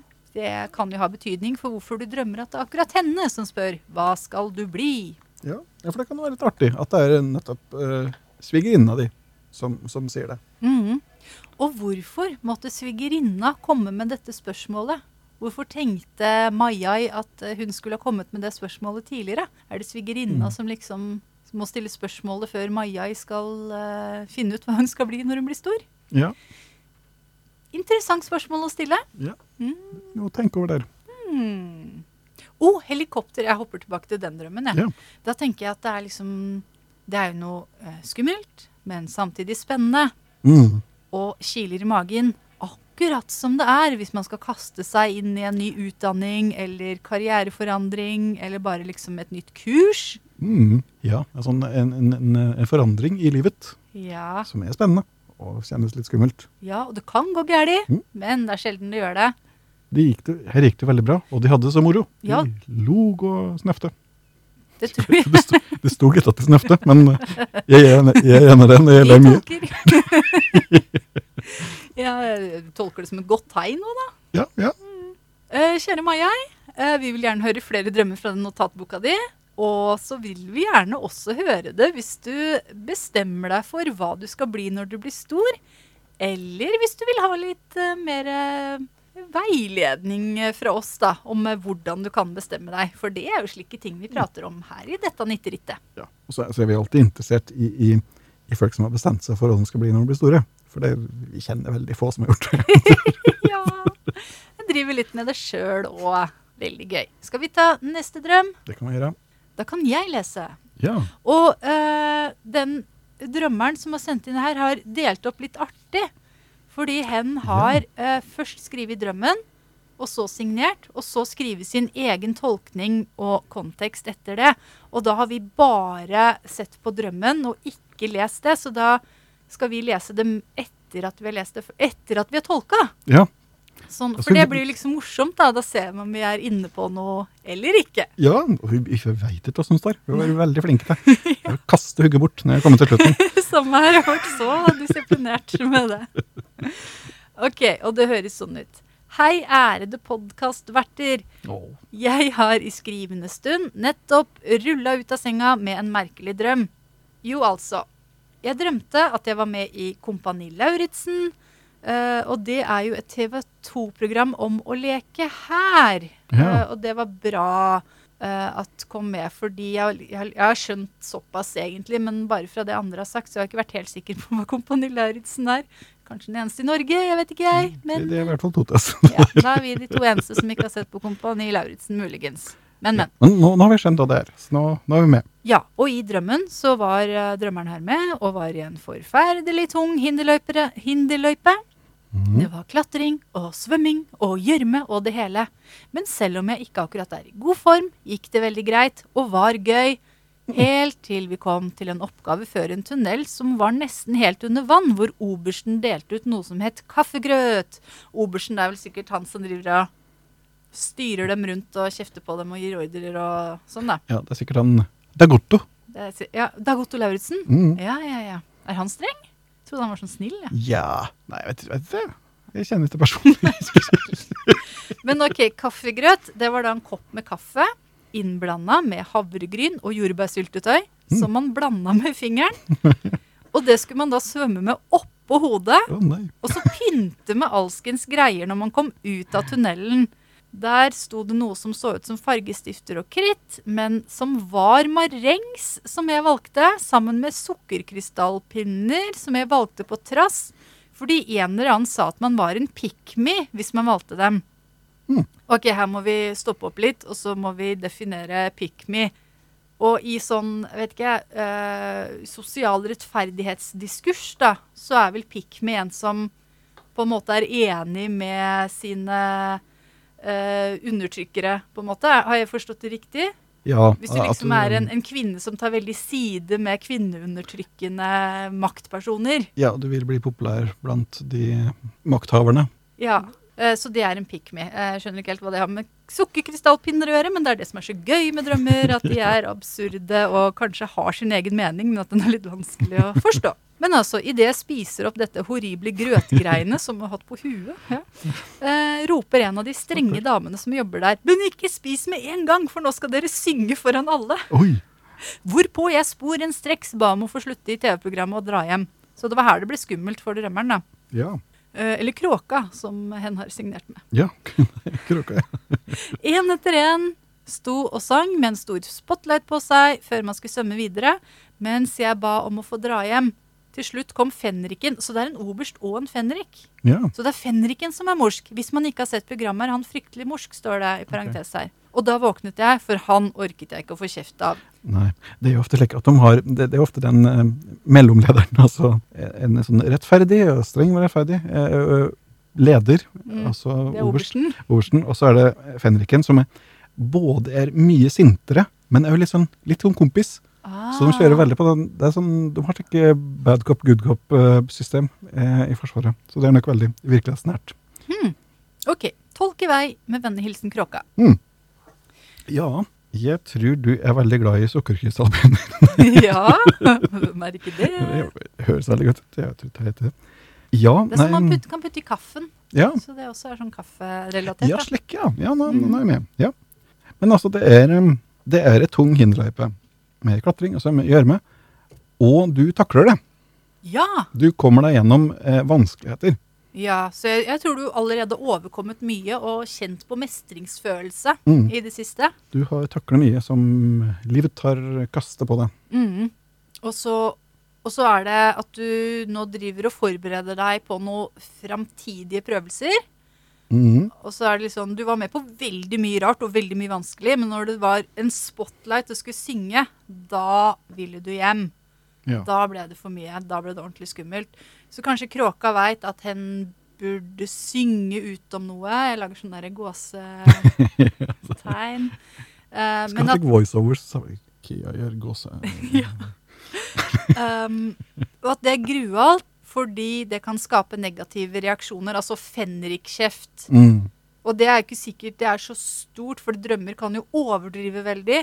Men at det er noe liksom sånn Jeg vet jeg burde stå fram med det her, skrive om det her, snakke om det her, si fra om det her, men det kan innebære negative reaksjoner, synlighet og kjeft. Mm. Eller at du har vært i situasjoner hvor det har skjedd. Eller at det er noe som skal komme. Eller begge deler. Mm. Det kan være. Men det var mye gøy her, altså. Kaffegrøt. Den er kaffegrøten. Ja, for det, for det, de, du skriver her at uh, det gikk bra, du takla alt som kom, og alt var moro, til du kom til oppgaven med kaffegrauten. Mm. Men du takler det òg, sier jeg. Så, så det er noe nytt som uh, Kan det være noe nytt som har oppstått? Som det er veldig utfordrende, men du takler det òg. Ja. For, det, for du blir jo ikke det, det, det slutter liksom å være moro når du kommer med kaffegrøten, men du takler det òg. Og så er du bekymret for det som kommer etter. For da Mm. kommer eh, spotlight og synging. Ja. ja, og så kaller du deg kråka, så kanskje du kanskje rett og slett er ganske bokstavelig at du er redd for å synge. og ikke orker å dra på karaokekveld. Kråker kan synge, ta kråkevisa Nei, ikke. ja, ta kråkevisa. og så svømte du i en tunnel. Og Ja. det skal vi eh, tro på Freud, da, så betyr det jo at du egentlig er seksuelt frustrert. Nei da. Freud kommer alltid, alltid fram til det. Ifølge, ifølge freudiansk drømmetydning så betyr kaffe, marengs, eh, spotlight, eh, Kompani Lauritzen, oberst Fenrik, kaffegrøt eh, betyr at du er seksuelt frustrert. Alle er seksuelt frustrert. Rart med det, liner opp det der. Ja, Nei, men, men, eh, um, vi er ikke så veldig freudianske av oss. Nei, det heter det. Men det, det gikk nå tydeligvis greit, det òg. Det var en tunnel som var nesten helt under vann. Men alt gikk greit, Ja. bortsett fra synge og spotlight. Så det kom det tydeligvis gjennom tunnelen eh, med den der eh, kaffegrøten oppå hugget. Mm. Ja, for du kom ut på andre sida. Ja. Og du, du var eh, trassig mot noen som prøvde å liksom styre dine valg. Mm, ja, det er noen som prøvde å, å gripe inn og styre valgene dine der, og du eh, eh, valgte da å ignorere dem. Mm. Ikke spis med en gang, for nå skal jeg synge for alle. Ja. Eh, okay. Men, ja, det skjer jo idet du eter de grøtgreiene. Horrible grøtgreiene, så du syns ikke kaffegrøt var så godt, da. Nei, men du gjorde det. Du taklet det. Mm. Det var en uvant uh, situasjon, men du takler det òg. Ja. Så jeg tror det er sånn Mm. Jeg vil koke ned min tolkning, og jeg tror du er enig, Vegard, til Mm. at her har kråka en drømmesituasjon som gjenspeiler en livssituasjon hvor hen har overkommet masse hindre, men står overfor noe nytt, stort og skummelt som innebærer synlighet, å bli hørt og mulig kjeft. Ja, Så det, ja, det er jeg helt enig i. Og det kan hende at det er mye mer sånn Kanskje det ble altfor konkret tolkning? Det vet vi ikke. Nei, nei. Nei, nei, men eh, det er sant, det. Ja, det, det er frykten for å få kjeft. Ørket å få kjeft fra fenriken, står det her, ja. Og vi får jo aldri vite åssen det kommer til å gå. Jeg tror du hadde sunget veldig fint. Ja. Jeg tror du hadde sunget. Du kan synge Berten ta dem, alle sammen. Skal vi lese Kråkas egen tolkning? Ja, det må vi gjøre. Spennende. Skal jeg lese den? Ja. Og så kommer min egen kontekst og tolkning. Jeg gauler Er det fint uttrykk?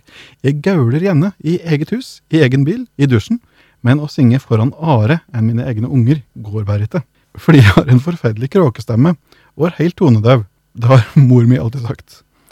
Jeg synger foran unga fordi jeg vil være en glad mamma, og ikke en sjølbevisst mamma.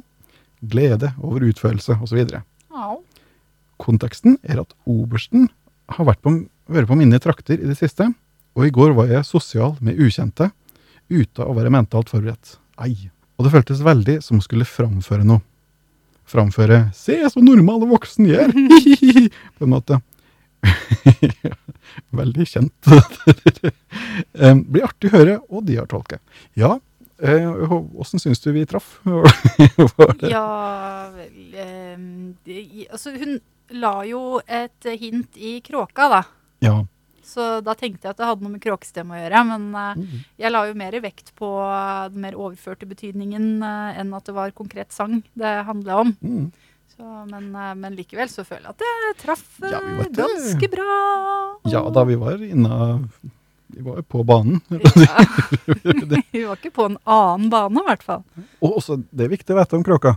Ja, kråka har kråkestemme, men kråka synger. Ja, Å, det er sant. kråka lar ikke stoppe seg. Kråka, vet du, det er en, det er en uh, seig fugl. Ja, jeg er litt sånn Jeg har lyst til å ta tak i den der mora som har sagt til sitt eget barn at hun har en forferdelig kråkestemme og helt tonedøv. Ja. Det hadde gitt meg mareritt om å synge, i hvert fall. ja. Det, det er jeg ikke fornøyd med. Mm -mm. Nei. Det har du ikke fortjent. Du, jeg tror du har en, en bra stemme. Du Ja. Syng fra hjertet, så kan, kan ingenting stoppe deg. Syng mer selv om det er skummelt, kjære kråke. Og i hvert fall bra at du synger foran barna. Det er det aller, aller, aller, aller viktigste. Unger syns det er fint. Mm. Om det er Det vet jeg, av egen erfaring. Om det er aldri så dårlig. Jeg sang for vår maktige datter uten at jeg var ute av stemme. Ja, du gjorde det. Jeg selv. Hadde bare peip i meg. Hun syntes det var fint. Det var Ciao, bella, ciao, bella, ciao, ciao, ciao. Italienske partisansanger der. Gjør seg. Nei, eh, men, men det, det er bra å synge for unger eh, samme hva slags stemme du har. Viktig.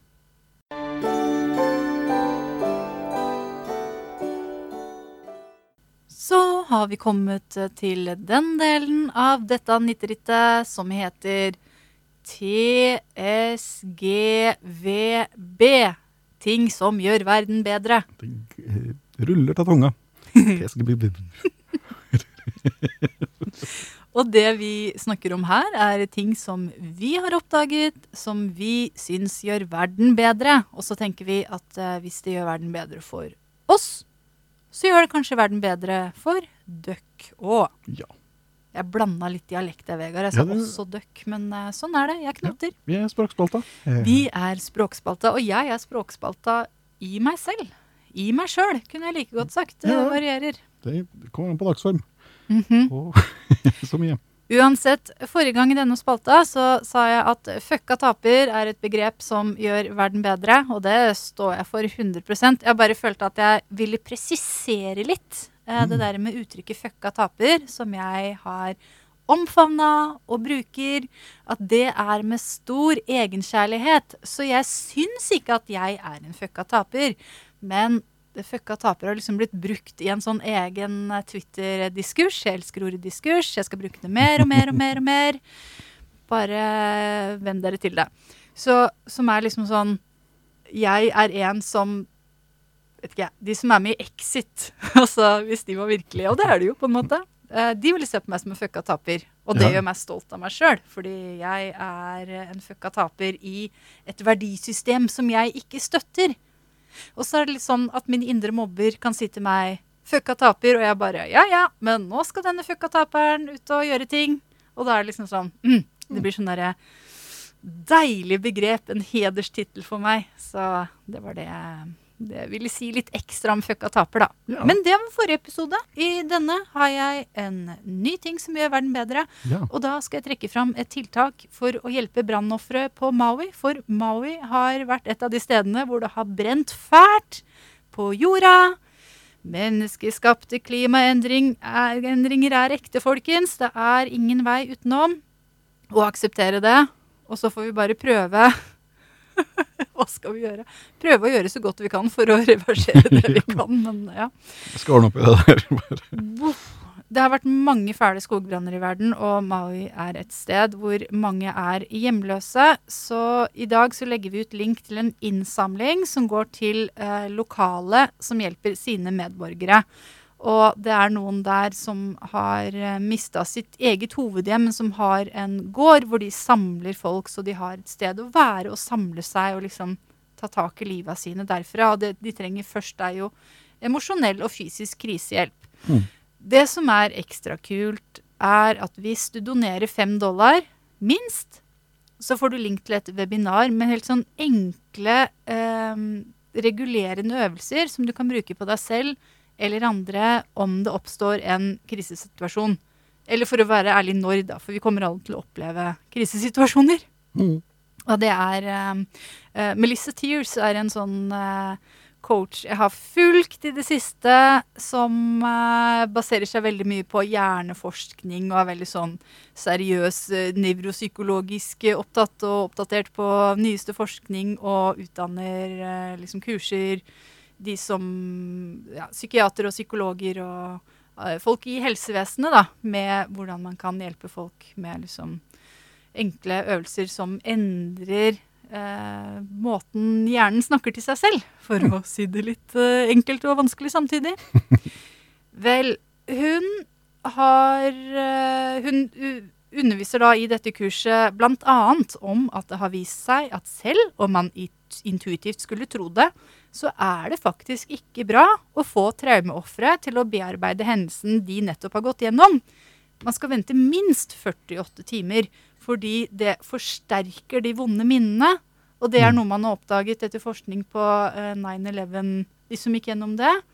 For da kom det jo flokkende eh, liksom krisehjelp, eh, mental helsehjelp, og så ble de bedt om å bearbeide med en gang. Mm. Og de som gjorde det, de hadde større grad av PTSD og uheldig effekt senere. Og det gir jo litt mening når man tenker seg om, men altså det gir også veldig mening sånn Vi sier jo hele tiden 'snakk om det, snakk om det', snakk om det, men ikke snakk om det med en gang, viser det seg. At du Nei. opplevde noe sånn helt livsomveltende krisesituasjon. Du må få litt avstand til det før du begynner å ta tak i. Ja. Ja. Så dette kurset som du får hvis du donerer til eh, det senteret som jeg legger ut link til i episodebeskrivelsen, det er ikke først og fremst for terapeuter eller folk som jobber med mental helse, men det er for folk som plutselig befinner seg i en krisesituasjon og trenger noe nyttig å bruke der og da. Det er en liten sånn verktøykasse som gjør deg tryggere på hvordan du kan møte folk i krise mens de venter på sånn ekte hjelp, da. Mm. Sånn, det, er, det er nødhjelp, liksom. Så litt sånn som du uten å være legeutdanna kan gi eh, sånn uh, hjerte-lungeredning. Ja. ja, bare for liksom å få hjelpe folk å regulere ned nervesystemet, sånn at de kan være i en situasjon hvor de er liksom kan håndtere den aktuelle virkeligheten rundt seg. jeg donerte fem dollar og tok det kurset. Syns det var kjempe, kjempenyttig. Ja, Så så anbefaler det. Og samtidig gjør du verden bedre med å gi penger til noen som hjelper folk som er utsatt for eh, skogbrann på Maui. Det var min ting. Hva, hva er det som gjør din verden bedre, Vegard? Ja, nei, det, det er ikke å sette opp miksebord, i hvert fall. Nei, det, det er en, en serie som ble, eh, ble avsluttet for en stund siden. eh, Men vi har ikke fått områ oss til å se ferdig den siste sesongen før nå forrige helg. Og det er Derry Girls. Ja! Og det er en så snøfteskrattartig og, og hjerteskjærende eh, serie, og alle karakterer er så fine og så, så fenomenalt eh, eller rollesatt, heter det sikkert. Rollesatt er fint ord. Mm. Og, og dialogen, det, det, er en, det er en annen, bedre verden. Det, det er så bra dialog, det, det er så artig. Eh, handlinga er lagt til eh, Derry, eller London Derry, da, eh, hvis det er noen imperialister som hører på. I, Nord-Irland, eh, helt i begynnelsen av 90-tallet, eh, helt på tampen av The Troubles. Og ligger, The Troubles ligger liksom som et bakteppe eh, for handlinga. Men det handler om disse jentene i, i Derry, og det, det er helt fantastisk morsom, det er fin, vakker serie om, om livet og slik. Og det er jo litt lærerikt med politikken som går, går for seg i, i bakgrunnen. Og tidskoloritten, det er helt prikkfri. Det er klærne, musikken. Eh, og disse jentene er altså så eh, fæle og rare og fine. Så Derry Girls altså, ligger på Netflix, i hvert fall når jeg skrev dette. Tre sesonger med moro, blant annet. ja! En, en liten advarsel der. Det, dette er jo en komedie fra eh, de, de, de britiske øyer. Eh, og da er det gjerne slik at når de lager komedier der, så, så liker de at alt er dritartig og komisk. Og så hogger de plutselig til deg i magen med knyttnevene. Ja, siste, siste episode av Blackadder. Slik, slik liker de å gjøre der. Du tror du slapper av og morer deg og har det bare fint, og så høyt den. Eh, så en liten heads up der. Eh, men se eh, Derry Girls om du ikke har hørt det ennå. Og har du sett det, så se det en gang til. da. Det fortjener den serien, og det fortjener du. Jeg støtter den fullt ut, Vegard. Vi eh, hadde det så fint og binsja og koste oss. Ja. Og hjertet mitt var liksom bare sånn fullt etterpå. Jeg- Og det er liksom sånn Det er mye smart man kan si om den serien, men jeg bare vil si at jeg syns den er så bra! ja, den er det. Og, og, og soundtracket. Liksom alle sangene fra da jeg var i min uh, ungdom. Mm. Det er så mye å kjenne sånn. Ja, Det er kanskje sterkere for oss, da, som, som, som, som var unge. ja, for det er liksom sånn alle, Til og med liksom de teiteste one-hitsene, one-hit-wondersene, eh, de fremstår nå som legendariske fordi de er sånn på bakteppet. Liksom det er alle de jeg hadde jo en ganske kjip ungdom, så det er ikke sånn nostalgi vil tilbake dit heller. Det, liksom, det blir sånn der alle håpene og drømmene jeg hadde da. Det er liksom, oh, jeg ser det et Jeg liker å oppleve 90-tallet på nytt. Ja, det er veldig fint på avstand. Ja, og denne gangen på en god måte. For nå kan jeg liksom virkelig glede meg over alle de liksom estetiske elementene og musikken og alt det der. Og så var det lærerikt å få liksom eh, litt uh, friske opp hva som egentlig skjedde i Nord-Irland på 90-tallet. For jeg fikk det kanskje ikke helt med meg da det skjedde. Nei. Fulgte meg med på andre ting. Lærerikt og moro og fælt og trist og veldig koselig. Alt i oppes. Mm, Derry Girls. gjør verden bedre. Da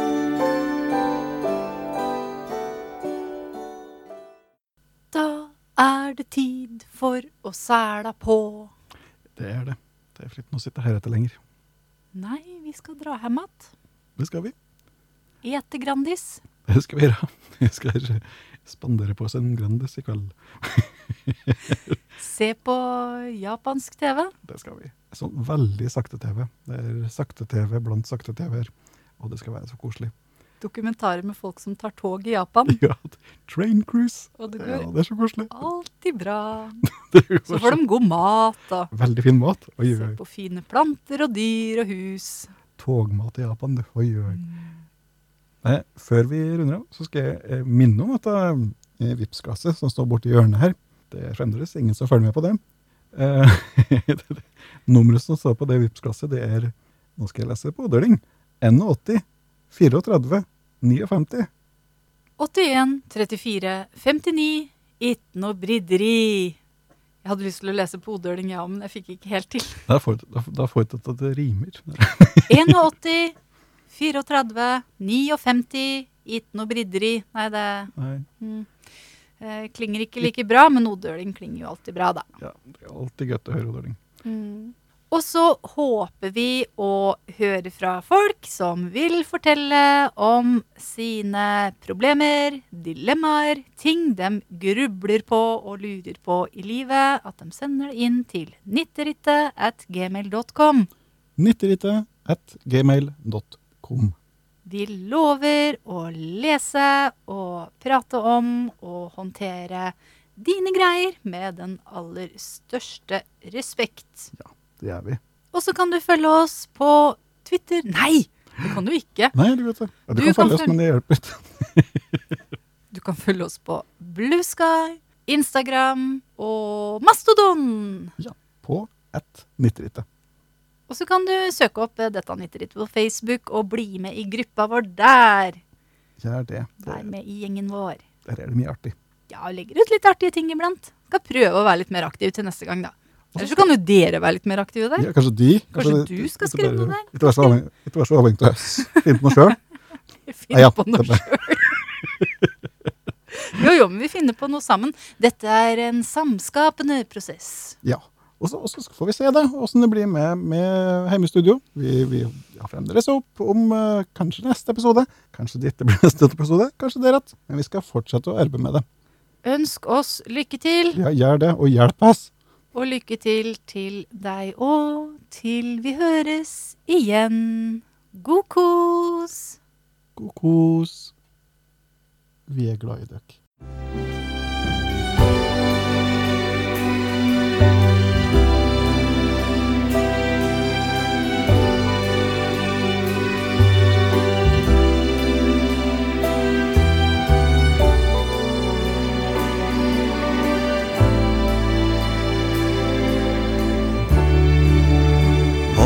Back the night.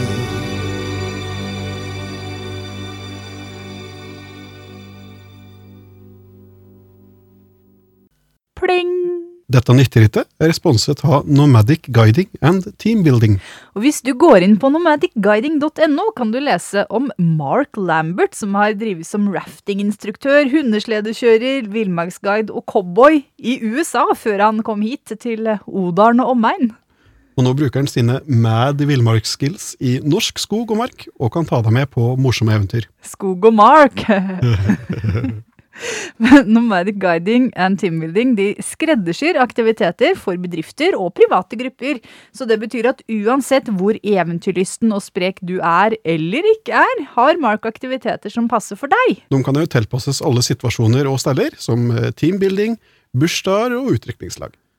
Og det ligger ikke langt fra Odalen, og ikke så langt fra Oslo heller. Nomadic Guiding tilbyr også guida turer for de aller mest innadvendte av oss, med grupper helt ned til én person. Men jeg er jo en slags person. Ja, så da kan du gå inn på nomadicguiding.no, eller sende en e-post til mark at nomadicguiding.no. Nomadic Guiding and Teambuilding, det er altså pling!